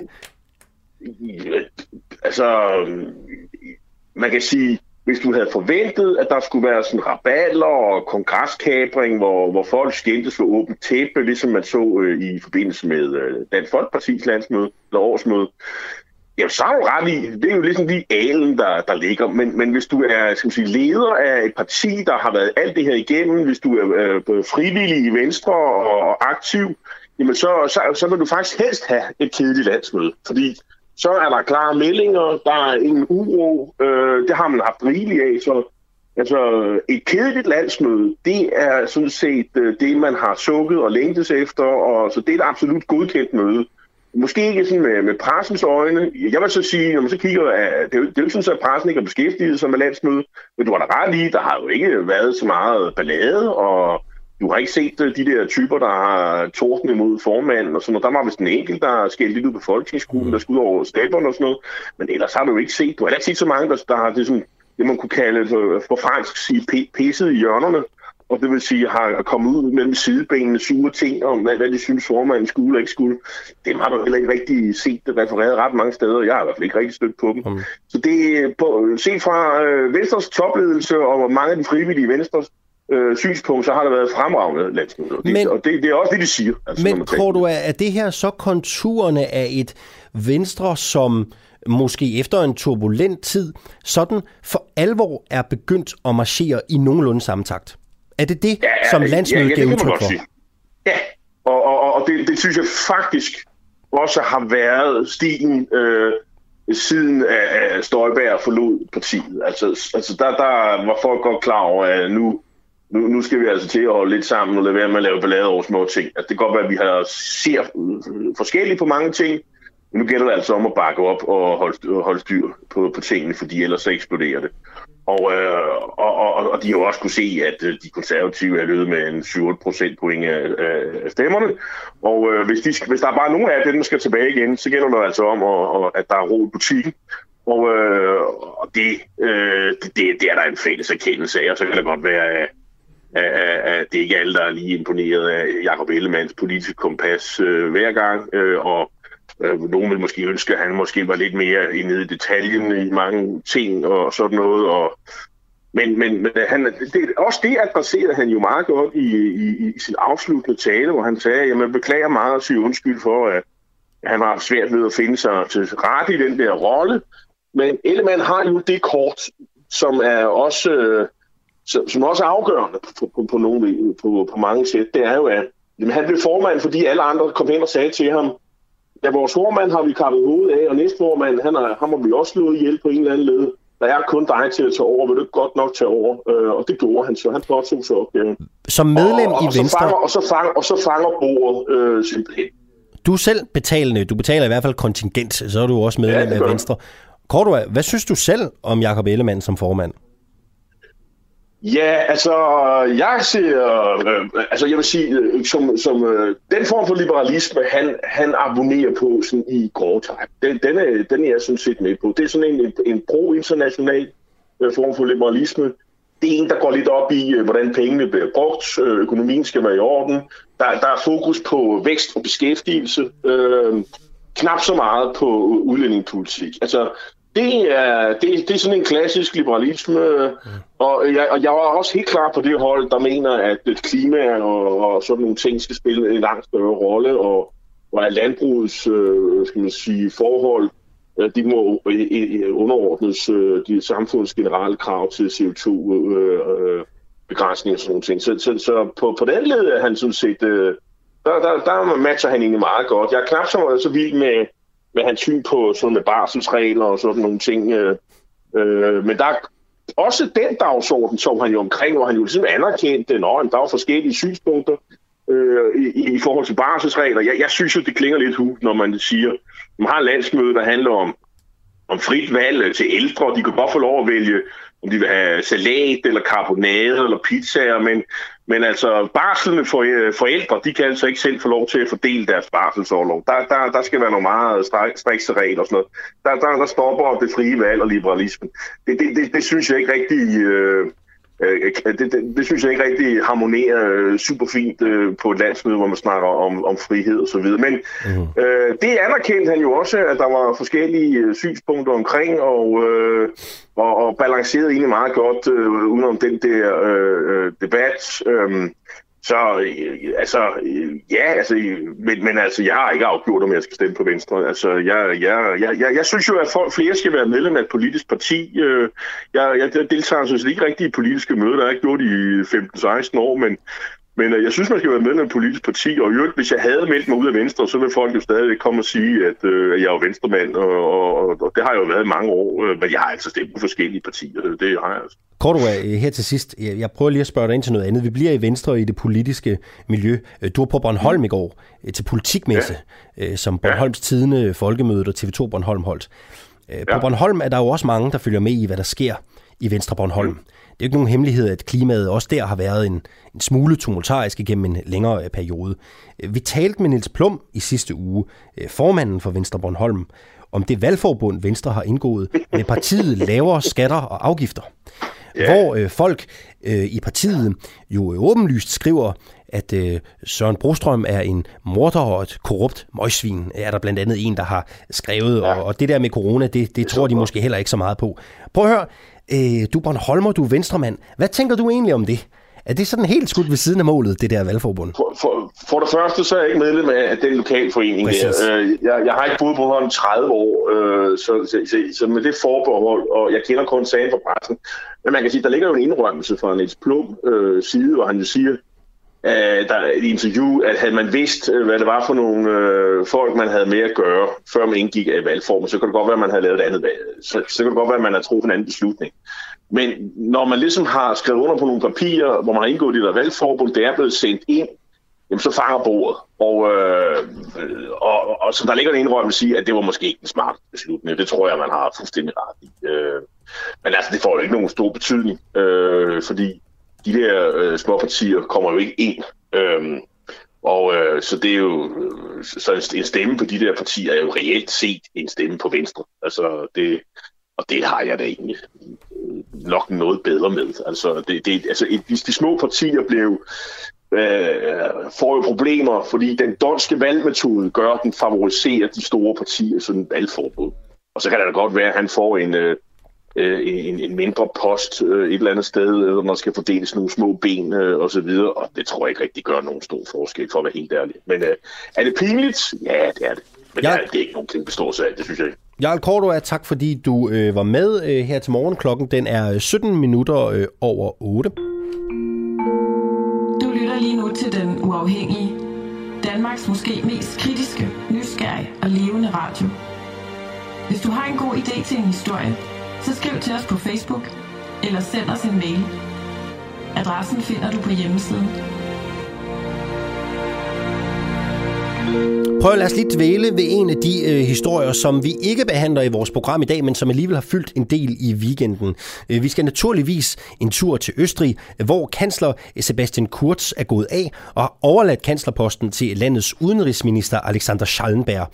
Det sker jo i forbindelse med øh, massive korruptionsanklager, som er rettet mod Kurz, og øh, regeringen øh, fra det konservative parti øh, ØVP øh, nu, øh, der vil Kurz sætte sig ned i parlamentet øh, for at lede øh, partiet.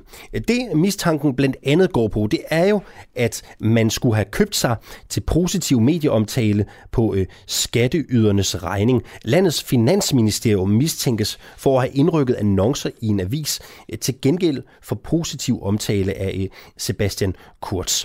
Øh, han har selv afvist anklagerne. Han siger, at de er øh, falske.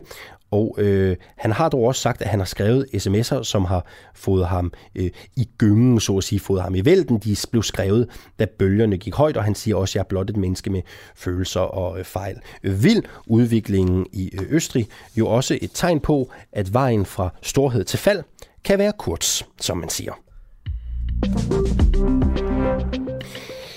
Lægen Vibeke Manneke, der flere gange har kritiseret øh, regeringens håndtering af øh, corona, er blevet sat under skærpet tilsyn af Styrelsen for Patientsikkerhed. Ifølge hende selv er det fordi, at hun uden autorisation har fritaget borgere for at blive coronatestet. Manneke har blandt andet lavet et opslag på Facebook, hvor hun anbefaler folk, der har problemer med at få fritagelsesattest, til at sende hende en sms, det skriver Ekstrabladet. Styrelsen for Patientsikkerhed de mener med øh, tilsynet, at hun kan udgøre en forringet sikkerhed. Godmorgen, øh, Vibeke Manneke. Godmorgen. Du er... jeg, skal måske lige, jeg, jeg skal måske lige ret at sige, jeg har jo autorisation. Hele omdrejningspunktet er B-autorisation, bare lige for at vi får det på plads. Naturligvis, det er lige præcis sådan der. Fuldstændig rigtigt. Ja. Øh, Manneke, ja. har du gjort alting efter bogen i forbindelse med øh, de her øh, fritagelsesattester? Ja, fuldstændig. Øh, fordi pointen er, hvad var det for en bog? Hele omdrejningspunktet er, og der er ikke ret mange, der egentlig har forstået konflikten, og det forstår jeg godt. Øh, hele omdrejningspunktet er, at jeg i slutningen af marts over få dage laver få fritagelsesattester. På daværende tidspunkt er der ingen klar instruks. Det er en attest, børn- og ungeministeriet har udsendt. Jeg tror aldrig, de har udsendt en lægeattest før. Den har ikke været igennem lægeattestudvalget. Det er sådan en klon af en attest og der er ingen vejledning til den, og det fremgår egentlig bare alene, at man skal øh, have autorisation, og jeg har autorisation. Det er din B-autorisation, øh, du taler om, ikke? Nej, det er en A-autorisation. Jeg er jo læge. Mm-hmm. Hele omdrejningspunktet er den famøse B-autorisation, øh, som er en, en autorisation, man får, når man øh, for 30 år siden havde gennemført turnus og haft 6 måneders klinisk arbejde. Og alt det havde jeg sådan set også på plads for 30 år siden. Jeg får bare ikke, om man så må sige, indløst til den her famøse B-autorisation, fordi jeg skal ikke bruge den, fordi jeg ikke i alle de her år har været klinisk arbejdende læge. Og, og du det, har været det Ph.D. jo. Jeg har, ja, jeg har en Ph.D., og så har jeg været det, vi sådan populært sagt kalder papirlæge. Det samme som Søren Brostrøm er nu. Så man kan sige, det, det, det er sådan en højst ejendomlig sag. Og, og for mig at se, øh, kunne man have valgt to veje øh, fra Styrelsen for Patientsikkerhed. Man kunne have valgt den vej, som man har valgt, når der er blevet klædet over Søren Brostrøm, nemlig at man siger, han tager ikke behandling, ergo er det uden for vores resort. For jeg tager heller ikke i behandlinger. Det har jeg ikke gjort i 30 år. Eller man kunne gøre det, som man gjorde i, forhold til mig. Øh, gå ind og sige, jamen uha, du måtte ikke lave de her øh, fritagelsesattester. Noget, som man i øvrigt øh, to uger efter gav øh, en kontorassistent på borgerservice mulighed for at lave. Så, så man kan sige, hele omdrejningspunktet er, hvad handler det her om? Ja, og hørten er vel, at, den, ja. at de fritagelsesattester, dem har man øh, ikke måtte øh, give uden sin B-autorisation, ikke? Det er det, som øh, Styrelsen for Patientsikkerhed siger. Ja. Har du at, den B-autorisation? Nej, nej, det er jo det, der er helt omdrejningspunktet. Det er det, det, jeg prøver at forklare. Men så har du vel også gjort noget, du ikke måtte? Jamen, du kan sige, hele omdrejningspunktet er, at som sagt, for 32 år eller 30 år siden gennemfører jeg alt til den her famøse B-autorisation. Jeg har min turnus på Rigshospitalet, jeg får alt det, jeg skal have. Jeg går ud af klinikken, jeg laver min Ph.D., og det vil så sige, at jeg får ikke hentet den her B-autorisation hos Sundhedsstyrelsen. Det er lidt ligesom at have gennemført en, en køreprøve have bestået alt, og så ikke få hentet kørekortet. Præcis. Og, det er og hvis du i dag kører i bil ja. uden at have et kørekort, så får du jo også en bøde eller en straf oh, men, for det. Oh, for det må man ikke. Så du har vel gjort Nej, noget, du ikke måtte. Altså længere er den vel ikke? Gjort, ja, men du har helt ret. Øh, på daværende tidspunkt er der som sagt ingen retningslinjer, så jeg handler i god tro. Øh, Jamen jo, men vent lige lidt. Manneke, Manneke, Manneke, vent lige ja. lidt. Hvis der ikke er nogen ja. retningslinjer, siger du, mm. øh, og du handler i god tro, så har du vel også været usikker på, om det du gjorde var korrekt, eller ja, men du har forkert. Helt, du har helt ret. Så, så, så jeg, jeg prøver bare at forstå, ja. hvad, hvad problemet er her. Ja. Du har fået et, et du, har, du er kommet under skærpet tilsyn, fordi du ja. har gjort noget, du ikke måtte. Ja. Du har gjort noget, her. du ikke ja. har været sikker på. Der er vel ja. reelt set ikke noget problem så. Så er det vel helt jo, efter bogen. Der er, der, er et kæmpe, der er et kæmpe problem. Hvad er det hele så? Omdrejningspunktet, jamen, hvis jeg må have lov at svare, hele omdrejningspunktet er et da jeg kommer i tvivl, kontakter jeg selv Styrelsen for Patientsikkerhed flere omgange, øh, og får først fat på dem efter flere dage. Og det øjeblik, jeg så øh, får kendskab til, at det, det kan og må jeg ikke, så stopper jeg selvfølgelig omgående. Men det, der er problemet, og det, der er kernen i det her, det er sådan set, at jeg er blevet behandlet som for eksempel Søren Brostrøm. Nej, det er jeg ikke. Har der været politisk indblanding i det her? Ja, der har været massiv politisk indblanding Hov, hvad, i det hvad mener her. du med det? Altså i forhold til Øh, dig, det men- at der har været det- politisk ja, i indblanding? forhold til mig. I forhold til mig. Det kan jeg jo se af agtindsigten, at Karen Norman Andersen, som jo er sundhedspolitisk ordfører for SF, og et støtteparti til regeringen, hun har været ekstremt aggressiv i forhold til styrelsen og sundhedsministeren, for om man så må sige at få lukket munden på mig. Det vil sige, at der er i sagen øh, flere mails, hvor hun har lagt ekstrem pres på. Det gav Styrelsen for Patientsikkerhed mig også øh, besked på, at det her var, at min sag var et minefyldt område. Så man kan sige, lad os der lige, har lad os lige været... dvæle ved det. Prøv at høre. Mm. Det, hvis jeg forstår det rigtigt, mm. mener du, at en konkret navngiven politiker for SF, Kirsten mm. Norman Andersen, har arbejdet sagde aktivt, Karen, ja. ja, har arbejdet aktivt for at du skulle have, øh, for at du skulle sættes under skærpet tilsyn? Ja, meget aktivt. Ja, hvordan kan du Det har hun. dokumentere det? Det kan jeg dokumentere ved, at øh, jeg har det fra agtindsigten. Det kan jeg Ja. dokumentere ved, hvad hun har lagt ud på nettet. Og det er så også det, der undrer mig, fordi nu kommer vi se vi, til det? den ekstreme censur, vi jeg har været udsat for. Ja, det må jeg gerne. Der er ingen journalister, der har bedt om det før det her øjeblik. Mm. Nu kommer vi til den Det er da relevant, censur. tænker jeg, hvis, hvis du kan dokumentere det. Det er da, en, Det er da interessant. højrelevant. Nå, og det er da også okay. derfor, jeg vil tage den til ombudsmanden, fordi man kan sige, at en styrelse skal jo øh, behandle alle øh, retfærdigt og ligeværdigt og uden øh, pres fra øh, politisk side. Og i mit tilfælde føler jeg, at det er ekstremt uretfærdigt. Vi skal nemlig også holde fast i, og det er jo sådan set kernen i det her, jeg tager ikke patienter i behandling. Så hvordan jeg kan udgøre nogen som helst fare for nogen, fordi Styrelsen for Patientsikkerhed, de skal tage fat på læger, der har patienter i behandling. Jeg har ikke patienter i behandling, og det ved Styrelsen øh, for Patientsikkerhed udmærket godt. Søren Brostrøm har heller ikke patienter i behandling, og ham lader de, om man så må sige, slippe.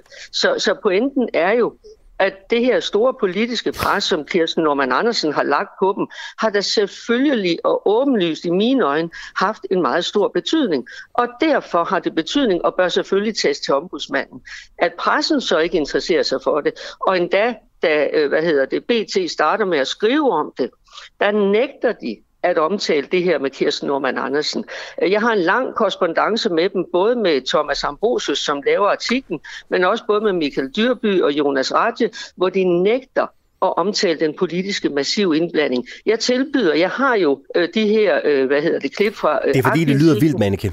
Det er fordi Jamen, alle journalister, man jo ligesom alle, siger, alle, journalister, jo sige- jamen, alle journalister der, øh, der, der har øh, fem hjerneceller mere, end jeg har, vil Mm. tænke, det du siger er, er øh, hokus pokus, ikke? Altså, jeg, jeg, jeg, og jeg må også være ærlig og sige, jeg hører det også som en sensation. Jeg siger, tænk, Ja, men- tænk hvis men- du kan men- dokumentere det der. Det er jo vildt nok. det. Altså, Selvfølgelig kan det. øhm, Ellers siger jeg det jo ikke. Og det er jo det, derfor, at du er tilbage til, at du siger, øh, enhver øh, journalist, der har fem jernsætter, de har så været borte, borte de sidste 20 måneder. Fordi det her, det her er jo i virkeligheden bare en måde at forsøge at få mig til at tige stille på. Det, der er omdrejningspunktet, det der er det interessante, det er, at jeg i 20 måneder har været udsat for helt ekstrem censur, netop fra dansk presse siden. Jeg har, øh, man har ikke lyttet, man har ikke forstået. Jeg har lavet cirka 2.000 ah, du opslag. har sgu fået meget omtale de sidste 20 Ja, jeg har- måneder, ikke? ja, Altså, der er virkelig omtale. blevet skrevet meget Jo, jo. om dig. negativ omtale, men der er ikke en eneste gang, en journalist har spurgt, hvad er det? Nu har du lavet 2.000 faktuelt baserede opslag, opslag med evidens, opslag med data. Der er ikke en eneste gang, en journalist har interesseret sig for det og sagt, hvad er det egentlig, de data viser? Lige nu har vi haft i fem måneder øget dødelighed herhjemme hos øh, mennesker mellem 70 og altså ældre, øh, primært ældre. Fem måneder har vi haft med øget dødelighed. Jeg ved ikke, hvor mange gange jeg har skrevet om det. Der er ikke en eneste journalist, der har interesseret sig for det. Prøv, og der er kun øh, én men- ting at kalde det, Prøv, det er censur. Ja, det, prøv at Manneke, det, det er fint, og det, det kan vi snakke om en anden øh, god gang. Nå, Øh, jeg der tror er jo- der er også, der er jo de her. Der er de her mennesker, der er jo de her øh, folk, som har taget fat i dig for at få øh, en eller anden form for fritagelse, så de ikke skulle øh, corona-testes. Mm. Når de mennesker har henvendt sig til dig, har du så til bundsgående undersøgt, hvorfor at de ikke skulle det? Eller har du bare Jamen, givet dem en, øh, en attest? Nej, selvfølgelig har jeg da ikke det. Jeg, jeg har jo, altså det, er jo- det er jo også det, der er hele, hvad skal man sige, myten omkring det. Jeg har da selvfølgelig øh, ja. gjort det samvittighedsfuldt. Jeg har da selvfølgelig gjort? gjort, som, som det foreskrev. Hvad har du gjort? Jamen fuldstændig, jamen fuldstændig som man skulle. Øh, Jeg har selvfølgelig haft øh, en, en snak i forhold til, jeg har haft adgang til, hvad de vil vise mig. Nu skal man huske, at det her, der var nogle retningslinjer for, hvordan man kunne blive undtaget. Nogle meget klare retningslinjer for, hvordan man kunne blive undtaget. Og de retningslinjer øh, har jeg fuldt til punkt og prikke. De retningslinjer har jeg fuldt i forhold til dokumentation fra borgerne osv. Så, så det er for så vidt ikke, fordi der er tvivl om, om jeg kunne gøre det. Hvor mange har du afvist? He, hele omdrejningspunktet er den her famøse B-autorisation. Men, men undrer du dig ikke over, at man stiger sig blind på noget, som er et stykke papir, jeg ikke får for 30 år siden, mens jeg i 30 år har beskæftiget mig med de her ting og arbejdet samvittighedsfuldt med det, jeg arbejder med som læge. Det gør jeg undrer ikke. Du dig, Og det gør- undrer og- du dig ikke over? nej, det gør jeg ikke. Og det gør jeg ikke, det fordi- undrer dig ikke. Så du fordi- tænker ikke, du tænker ikke, at Vibeke, hun kan ikke have kvalifikationerne, fordi hun har godt nok arbejdet 32 år som læge, hun har en, en, en meget stor viden på det lægefaglige område. Hun fik ikke hentet et stykke papir for 30 år siden. Ergo kan hun ikke attestere noget, som en kontorassistent to uger efter får lov til at attestere. Ja. Du synes ikke, der er noget, der Nej, nej, ringer jeg på synes- dine ører der? prøv nej, fordi det han- du det synes, svar- det, det, det du, svarer du til- synes, det er lige til højbenet? Det svarer til, at hvis man kører uden et kørekort, så bryder man loven. Ja, Så skal man også du have sin autorisation. Sådan er Ja, det. ja. Det er der ikke noget, Ej, det er der nej, ikke noget nej, længere nej, i. men- prøv at høre, jeg vil du- hellere du- snakke med dig om noget høre, andet, du fordi det er jo ikke en det her med- debat. Det er jo ikke en debat mellem os to. Jeg, jeg prøver at blive klogere, øh, så vi kan give lytterne øh, noget, noget værdifuld viden, de kan gå videre med. Hvad har du gjort for at undersøge de mennesker, som har rettet henvendelse til dig, for at få den her fritagelsesattest? Hvad Jeg- har du gjort jeg, ved dem? Jeg, jeg, jeg, jeg tror, jeg lige har forklaret dig det. Jeg tror, det egentlig er vigtigere, at du forstår. Nej, men jeg, jeg at- vil gerne, så, så lad os få det igen. for- for Lad os få det igen. Hvad har du gjort for at undersøge dem? Jeg, jeg har, jeg du taler udenom lige- nu. Nej, jeg, jeg taler ikke udenom. Jeg forklarer dig, at for at styrelsen for patientsikkerhed kan rejse en sag mod en læge, så kræver det, at vedkommende har patienter i behandling. Det er meget vigtigt for mig at få, at få sat en meget fed streg under, at jeg har ikke, og jeg tager ikke patienter i behandling. Så hvor jeg kan udgøre en fare, det, har jeg, det, det er mig ganske enkelt umuligt at se, for jeg tager ikke patienter i behandling. Men Så hvad på er samme det, du har måde, gjort som for at siger undersøge forhold dem, som har henvendt sig for at få Fuldstændig som man skulle. Jeg skulle de, du, de skulle ind og attestere, jeg skulle attestere. Ja, de skulle tilvejebringe dokumentation for, at de havde øh, de diagnoser, som kom ind under det. Så det var meget grundigt arbejde. så Ja, jeg hvad er det, de skal komme med? Hvad er det, de skal komme med? Hvad er det, du har Jamen- bedt dem om at dokumentere, for at du kan Jamen, altså, de jeg, jeg, forstår slet ikke dit spørgsmål. Jeg har selvfølgelig gjort det, jeg skulle. Og hvad er det? Hvad er det? Prøv lige at høre her. Prøv lige Nej, nej, nej, nej, hvad er det? Du har en eller anden vildfarelse om, at jeg har som sådan gjort noget, der var forkert i forhold til det faktuelle. Det faktuelle var ikke forkert. Det, der er hele omdrejningspunktet, det er, at jeg på trods af, at jeg fik gennemført uddannelsen til den famøse B-autorisation for 30 år siden, fik jeg ikke hentet den, fordi jeg ikke skulle arbejde klinisk. Styrelsen for Patientsikkerhed kunne uden at blinke have sagt, det er fint nok, du gennemførte alt, du kørte den snort lige, du får dispensation, vi giver dig selvfølgelig B-autorisation nu. skulle, jeg, Det er var dumt, du jeg, ikke jeg fik jeg afbryder, og jeg er sgu næsten mest ked af det på lytternes vegne, for det er sindssygt irriterende. Altså, hvad er Ja. det, når folk har vil have den her fritagelsesattest? Jamen- Hvad er det konkret, du har undersøgt? Hvad er det, du har bedt om? Fuldstændig, fuldstændig det. Man skulle Og hvad er det? nemlig, at jeg skulle attestere, at de havde de diagnoser, som gjorde, at de blev undtaget. Og det attesterede de, og det dokumenterede de i samtalen med mig, og så var den egentlig ikke længere. Og hele omdrejningspunktet er, det har du vel forstået, at to uger efter, det her var på tro og love, to uger efter, der er det en kontorassistent nede på borgerservice, som gør det samme.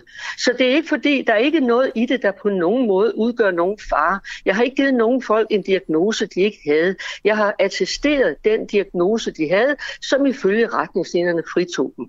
Hele omdrejningspunktet, og det er der chikanen kommer ind, det er, at man går ind og siger, jamen okay, de 30 år, du har arbejdet som læge, dem glemmer vi. Øh, du fik ikke hentet dit papir for 30 år siden. Hvis ikke man kan se, at der er noget i det, som fuldstændig runger så vil jeg sige, øh, så tror jeg, vi er enige om, at, at en del af jer mangler de der hjerneceller.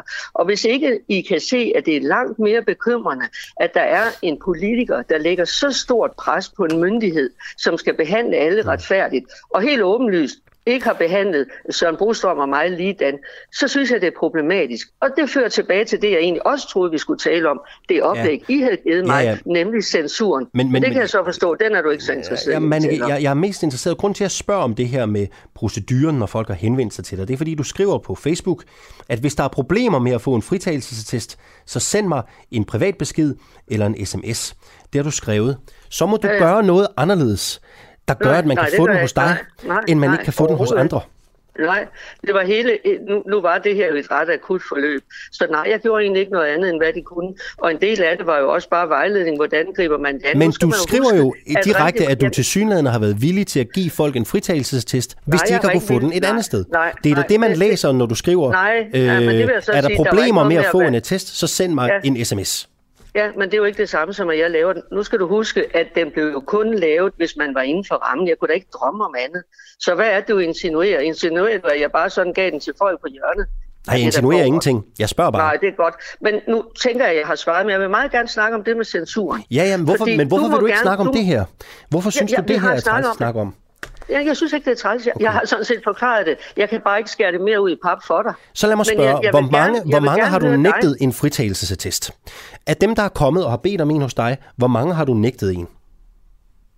Nu, nu skal vi altså holde fast i, du, du taler som om, at jeg har lavet tusindvis. Det er ganske få attester, ja, ja. jeg har lavet. Men har du nægtet så, nogen så, af så dem? det er jo ikke noget, jamen altså, øh, folk kontakter, det er jo ikke noget med, om jeg har nægtet. Ja, selvfølgelig er der nogen, der ikke faldt inden for rammen, selvfølgelig er det det. Hvor mange der var har du nægtet? meget klare retningslinjer.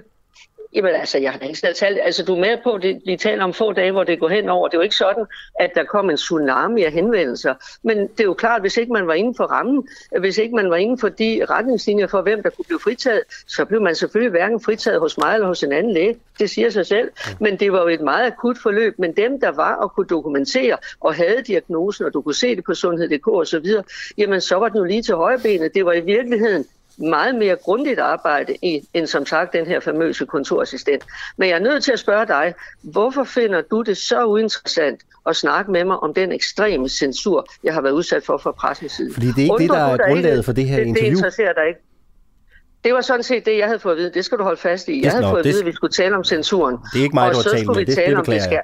Nej, men så må jeg så sige, så, så får I jo sådan set vildled også øh, i, i interviewer, fordi så er jeg jo ekstremt vildled. Jeg forstår, at vi skal snakke om censuren, og så hvad? skal vi snakke du om snakker det så meget om censur. Du har lige fået et kvarter til at stå på mål for dine synspunkter her hos mig. Det er da det stik modsatte af censur. Jeg er da det forkerte sted, du skal pege kritikken hen. Nej, I, I er også blandt dem, der har censureret retfærdigvis. Og, vi, og, og du kan se her, hvordan I egentlig har, har, har bluffet mig lidt. Du vil snakke om én ting, og du vil slet ikke snakke om det, der egentlig er kernen. Fordi i virkeligheden... Det Men det kunne være, at vi kunne have talt om det andet, hvis du havde svaret på de spørgsmål klart og tydeligt, som du havde fået. Men Ej, ved du hvad, jeg, jeg vi må sige, gøre jeg, det en jeg anden har svaret, men, men jeg kunne ikke svare godt nok, fordi du forstod det ikke. Det må du undskylde. Vivi Manike, læge, forfatter og øh, debattør. Tak skal du have, fordi du var med her og til morgen. Og PhD. Den er tak. jeg med nævnt med. Tak skal du have. Godmorgen. Du lytter lige nu til en uafhængig morgen.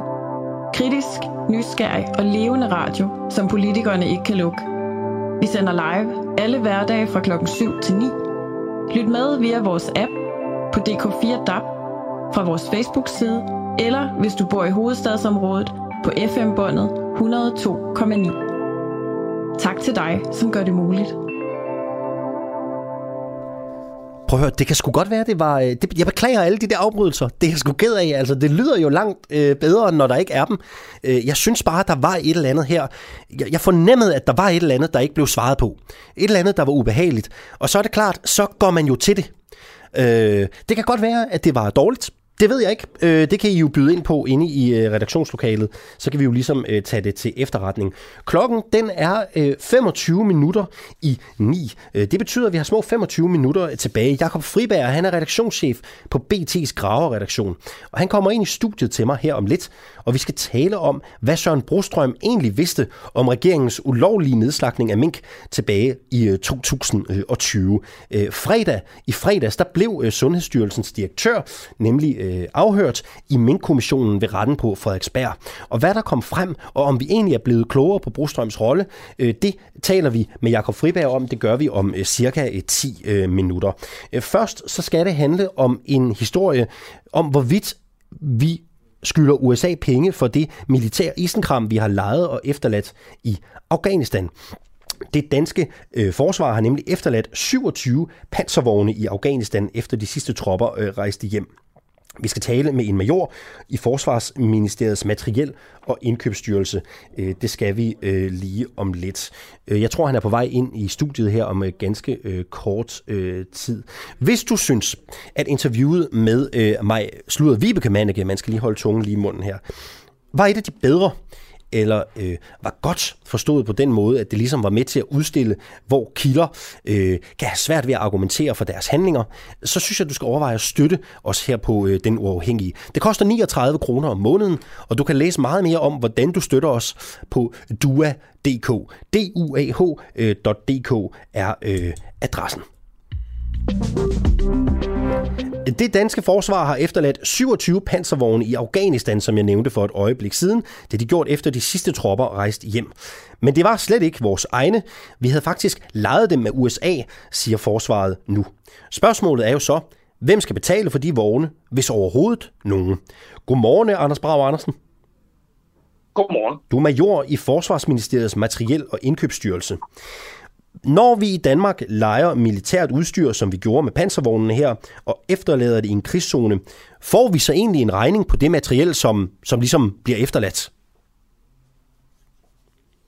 Ja, nu skal man lige starte med at se på, hvorfor de biler de står, hvor de står. Øh, og det, det kan jeg ikke sådan sige det præcis, men det jeg kan fortælle dig, det er, at øh, når vi har lånt eller lejet noget af nogen, så afleverer vi en værtsnation, som vi har øh, lånt og lejet af. Og det vil sige, at vi har simpelthen skrevet under på et stykke papir, vi har lånt tekstbiler af jer, og dem skal vi aflevere igen. Så jeg tror, jeg vil gerne blive den principielle del af at snakke om, hvad er det, vi gør, når vi låner og leger nogle ting, og ikke så meget snakke om de der biler, der står nede i sandet. Og det var faktisk mm. også den aftale, vi havde med interviewet her. Okay. Nå, det, fordi jeg, jeg spørger jo bare, fordi jeg er nysgerrig på, om der sådan ligesom kommer en regning, vi skal betale for de der, øh, for de der biler. Ja, om de bliver dyrere. Jamen, det gør, lad, lad, mig prøve at fortælle, må jeg prøve at starte et helt andet sted? Ja, men så skidt da. Ja, så skidt da. Det er sådan, at altså, i udgangspunktet, så har vi jo selv det materiel, vi skal bruge til vores enheder.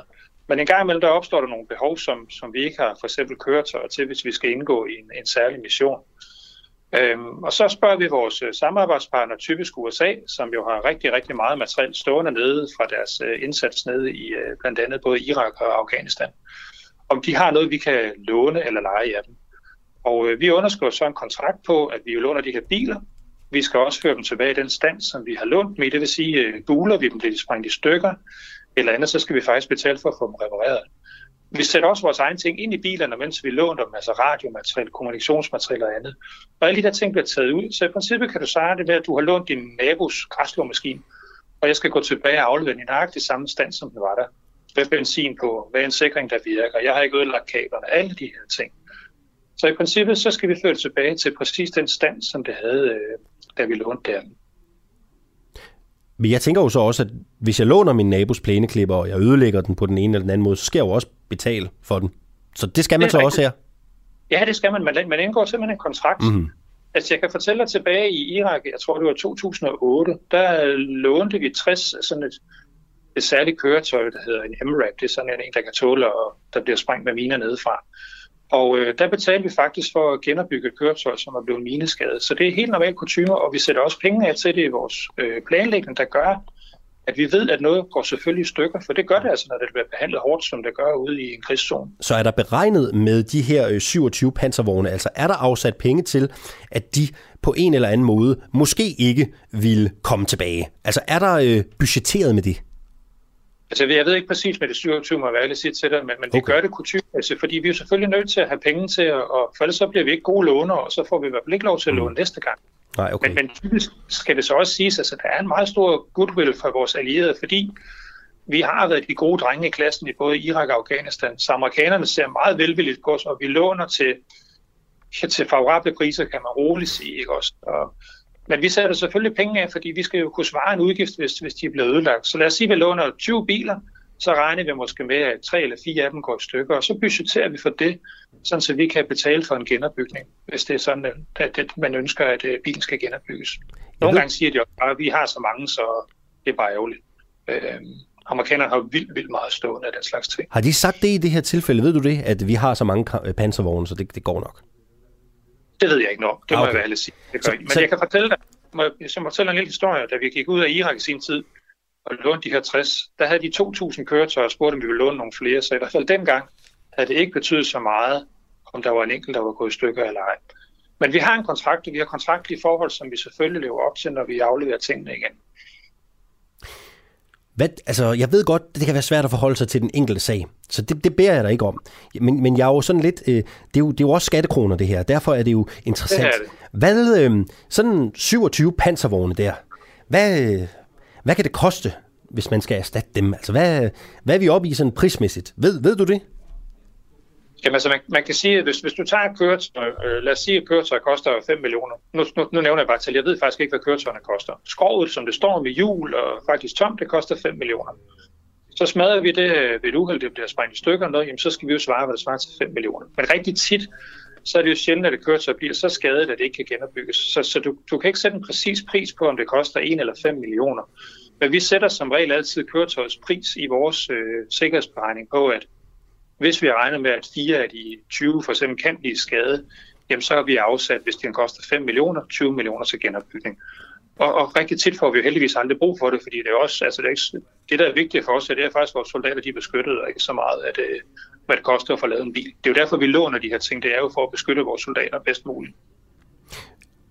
Hvor ofte sker det egentlig, at vi i en eller anden anden mission øh, låner noget, som bliver beskadiget, eller på en eller anden måde bliver efterladt? Altså er det, er det ret normalt? Altså, jeg, jeg vil godt understrege igen, vi efterlader jo ikke noget jo. Vi afleverer tilbage til en værtsnation, som vi har lånt eller leaset, så det er ikke os, der går og sætter tingene i sandet. Hvad amerikanerne vælger at gøre med deres køretøjer derefter, det er jo, det er jo deres anlæggende, kan man sige.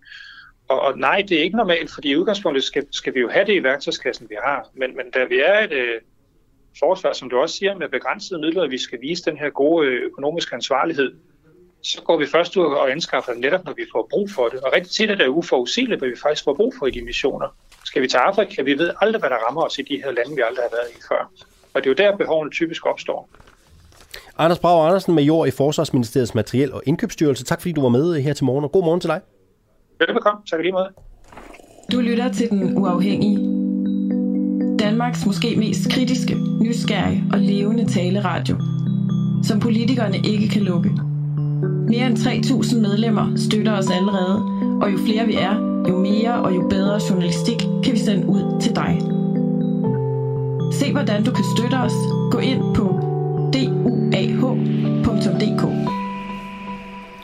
Og nu vender vi os mod øh, Mink-kommissionen og spørgsmålet om, hvad Søren Brostrøm egentlig vidste om regeringens ulovlige nedslagning af mink i 2020. I fredags der blev den tidligere direktør i Sundhedsstyrelsen Søren Brostrøm afhørt om regeringens ulovlige ordre på at slå alle danske mink ihjel sidste år. En beslutning, der blev taget under coronanedlukningen, og som lige nu bliver grænsket i Mink-kommissionen ved retten på Frederiksberg. Hvem vidste hvad, øh, og hvorfor, øh, og hvornår? Det er jo de store spørgsmål, sådan overordnet set. Øh, nu har jeg fået besøg af dig, øh, Jakob Friberg, og godmorgen. Godmorgen. Du er øh, redaktionschef på BT's Graveredaktion, og du har øh, været med øh, ved retten på Frederiksberg de første to dage. Øhm, hvad, var det, hvad er det vigtigste, der kommer frem her, når vi ser tilbage på de her to dage? Altså, der er kommet sindssygt mange spændende ting frem på to dage. Så det er virkelig svært at fokusere på det.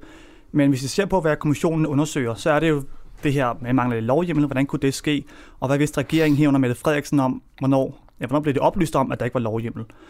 Og øh, der er det virkelig interessant, at Fødevareministeriet hele tiden har været klar over, at der manglede lovhjemmel. Og der kom en meget interessant sms frem fra en afdelingschef, Thijs Binderup øh, fra Fødevareministeriet, hvor han skriver til en kollega i et andet ministerie, at ja, der var ikke øh, hjemmel til at aflive mink, og det vidste regeringen godt, for det, det havde vi advaret dem om i materialet til mødet den 3. november.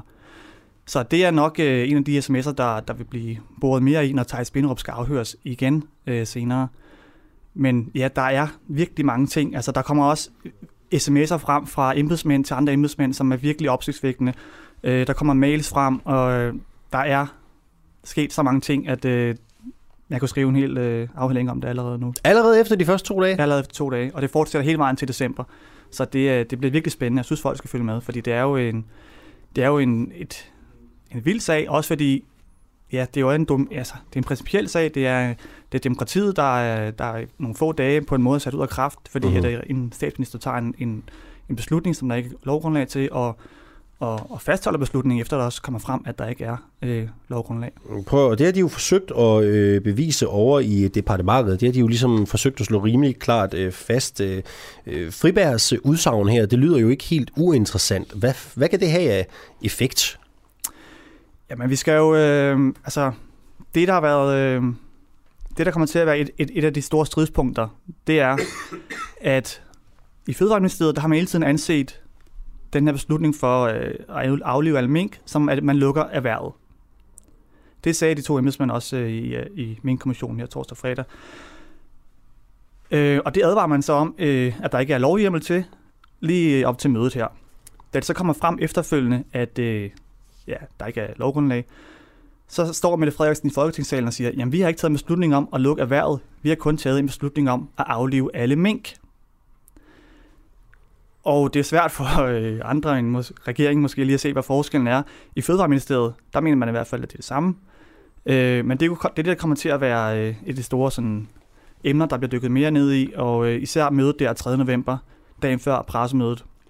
Det, det møde i koordinationsudvalget mellem regeringsminister, det kommer til at blive rigtig interessant, når ministerne skal ind og afhøres senere. Søren Brostrøm blev afhørt i fredags. Ja. Mange har jo også spekuleret i, hvad vidste han?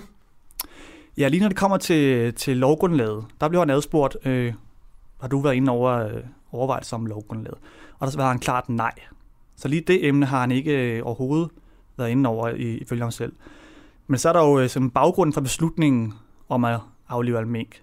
Den har han jo været inde over, fordi at, øh, ja, regeringen skulle, de blev jo rådgivet af Søren Brostrøm og Kåre Mølbak, og der kom en meget interessant sms frem fra Søren Brostrøm, allerede i juni.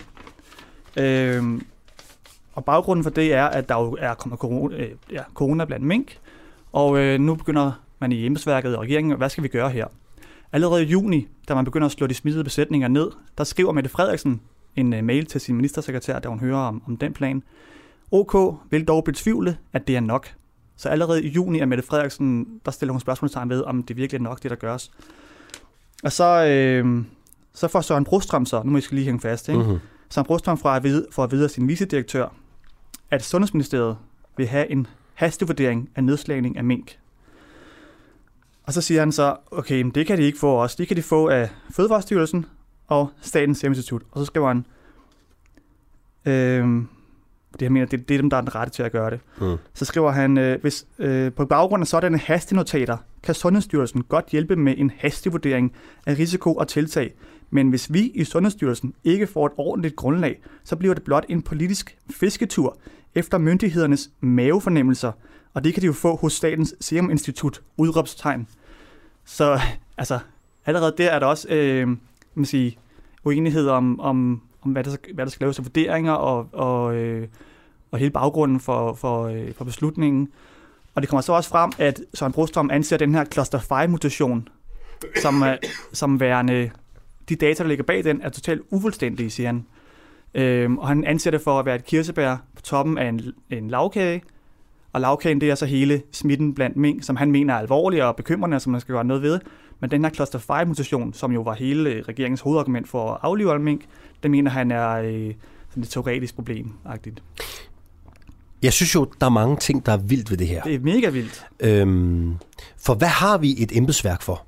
Hvad har vi ministerier og styrelser til? Hvis politikerne, som skal følge deres råd og vejledning, alligevel ikke lytter til dem.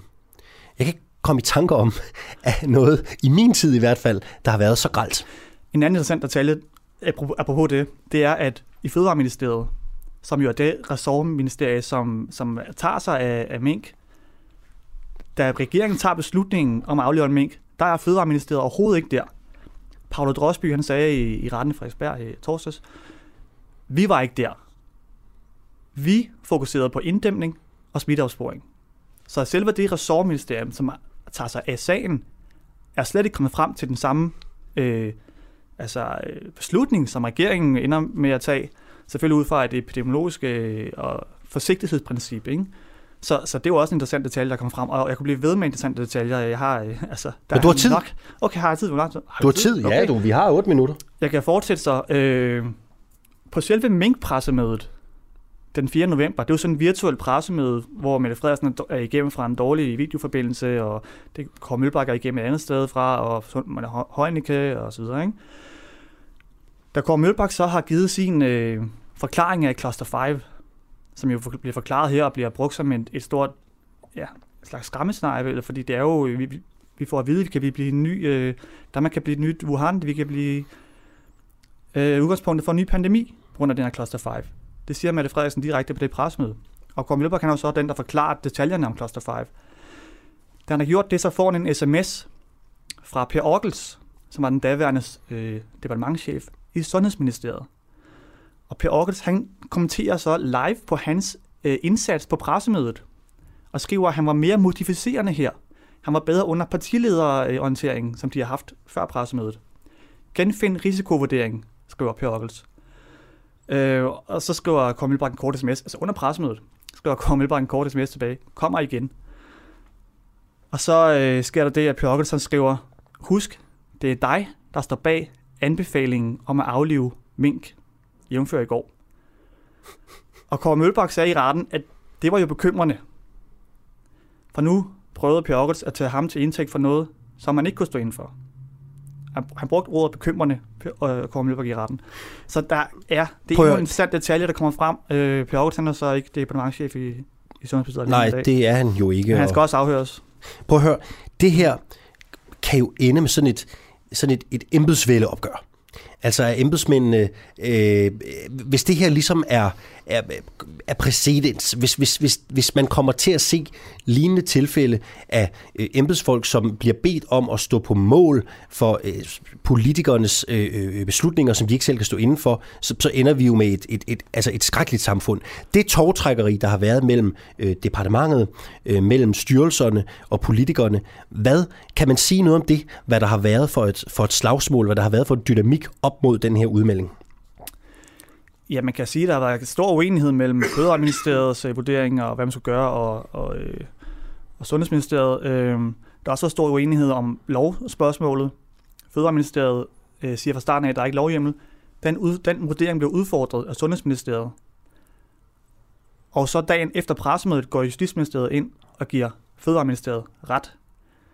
Så der er, øh, men man kan overordnet, så tegner det jo et billede af, at det her det har været en beslutning og en proces, der har været rimelig forhastet, fordi dagen efter pressemødet går embedsværket, Rigspolitiet, Fødevarestyrelsen, de går i gang med at eksekvere øh, statsministerens øh, beslutning på pressemødet dagen før. Så man kan sige, overordnet set har det været, det tegner et billede af, at det er gået rigtig stærkt.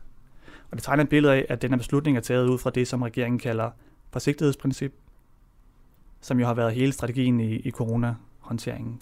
Hvad er det mest grælde af det, du har hørt de to dage? Der, hvor du som, som journalist, som, som en fjerde øh, statsmagt, tænker, det her, mm. det kan vi måske som mm. samfund ikke ligesom acceptere. Jeg synes, det er enormt interessant, at Mogens Jensen har taget skraldet fra den her beslutning. Hvorfor? Fordi hans embedsværk har igennem hele processen vidst, at der ikke var lovhjemmel. Hans embedsværk har været imod beslutningen. Det er et andet ministerium, der går ind og udfordrer vurderingen af, at der ikke er lovhjemmel. Men var det en fejl af Mogens Jensen Røg? Det er jo ikke op til mig at vurdere. Hvad jeg, tænker du? Jeg kan mærke, det er lidt der, det, du er. Det du her, synes, det er mærkeligt jeg, i hvert fald. Jeg fortæller, jeg beretter om, hvad der, jeg, jeg er journalist, ja. jeg fortæller om, hvad der sker. Jeg har ikke, mm. jeg har ikke nogen holdning til, om, om hvem der skal gå af og så videre. Men det er bare interessant, at det er Mogens Jensen, der tager skraldet, fordi hans embedsværk er imod beslutningen. Hans embedsværk ved, at der ikke er lovhjemmel. Det er et andet ministerium, der udfordrer den vurdering.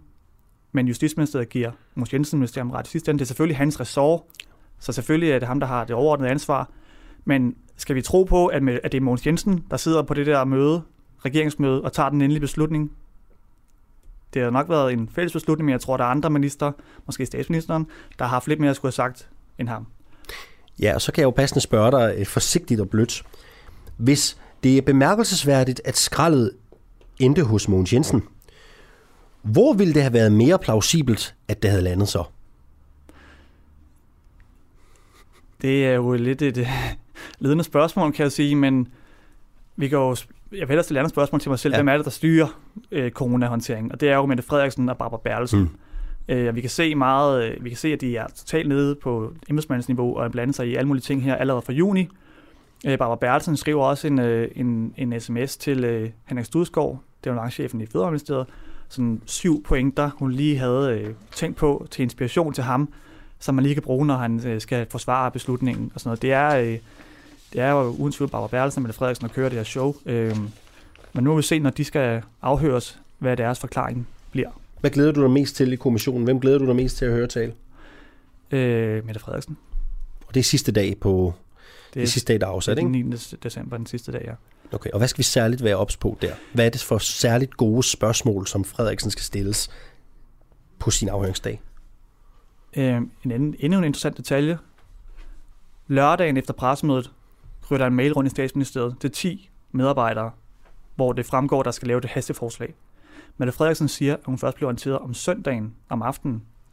På trods af, at der altså er altså 10 af hendes stab, der ved det allerede lørdag. Det vil der blive spurgt ind til, det er jeg sikker på. Øhm, så er det jo det her med aflivning af mink og nedlukning af erhvervet. De fleste andre, også embedsmænd, ved, at det er det samme. Hun mener, at der er en forskel. Hvad er det, der er forskellen her? Øh, og var du ikke advaret om, at der var at der manglede lovgrundlag til aflive mink? Det er det, hun bliver spurgt om. Næste kapitel, der skal skrives, hvad er det i sagen? Hvem er de næste, vi skal høre? Ja, men øh, det er en lang, lang række embedsmænd i øh, mange forskellige ministerier. Det er minister, Hækkerup, Højnike, Mogens Jensen. Det er departementchefer. Det er også nogle fra Copenhagen Fur, dem der stod i minkbranchen. Og øh, det, det vilde er også, at alle de her, de har en bisider. Og det er faktisk ofte, når vi sidder der i retten, så er det mest interessante, det er, når bisiderne får lov til at spille spørgsmål. Fordi de kan faktisk, man kan godt sige, at der er også lidt en blame game i gang. Fordi de kan sidde og stille spørgsmål til en mail fra en anden, og så kommer den mail op på skærmen, så journalisterne kan se den. Og så kan vi begynde at skrive af, okay, du, du, du, uh. og så har vi lige pludselig, så hvis man sidder og følger vores liveblog på BT, så, skal man, så er det derfor, det bliver sådan lidt øh, brudstykker og alt muligt, fordi der hele tiden kommer nye dokumenter op, bang, bang, bang på skærmen, og så er der en eller anden fed øh, detalje eller historie i dem. Jakob Friberg, redaktionschef på øh, BT. Tak fordi du havde lyst til at øh, være med. Må vi snakke med dig en anden god gang? Selvfølgelig. Fantastisk. Klokken den nærmer sig stille og roligt 9. Det her det var, hvad der var programmet i en uafhængig morgen. Oliver Noppenau og Jakob Frausi Simonsen sad i redaktionen. Jeg hedder Alexander Vils Lorentzen. Oliver Fruergaard redigerede dagens program. I morgen er det Peter Marstal og Adam Dreves, du finder her på Frekvensen. Vi lyttes.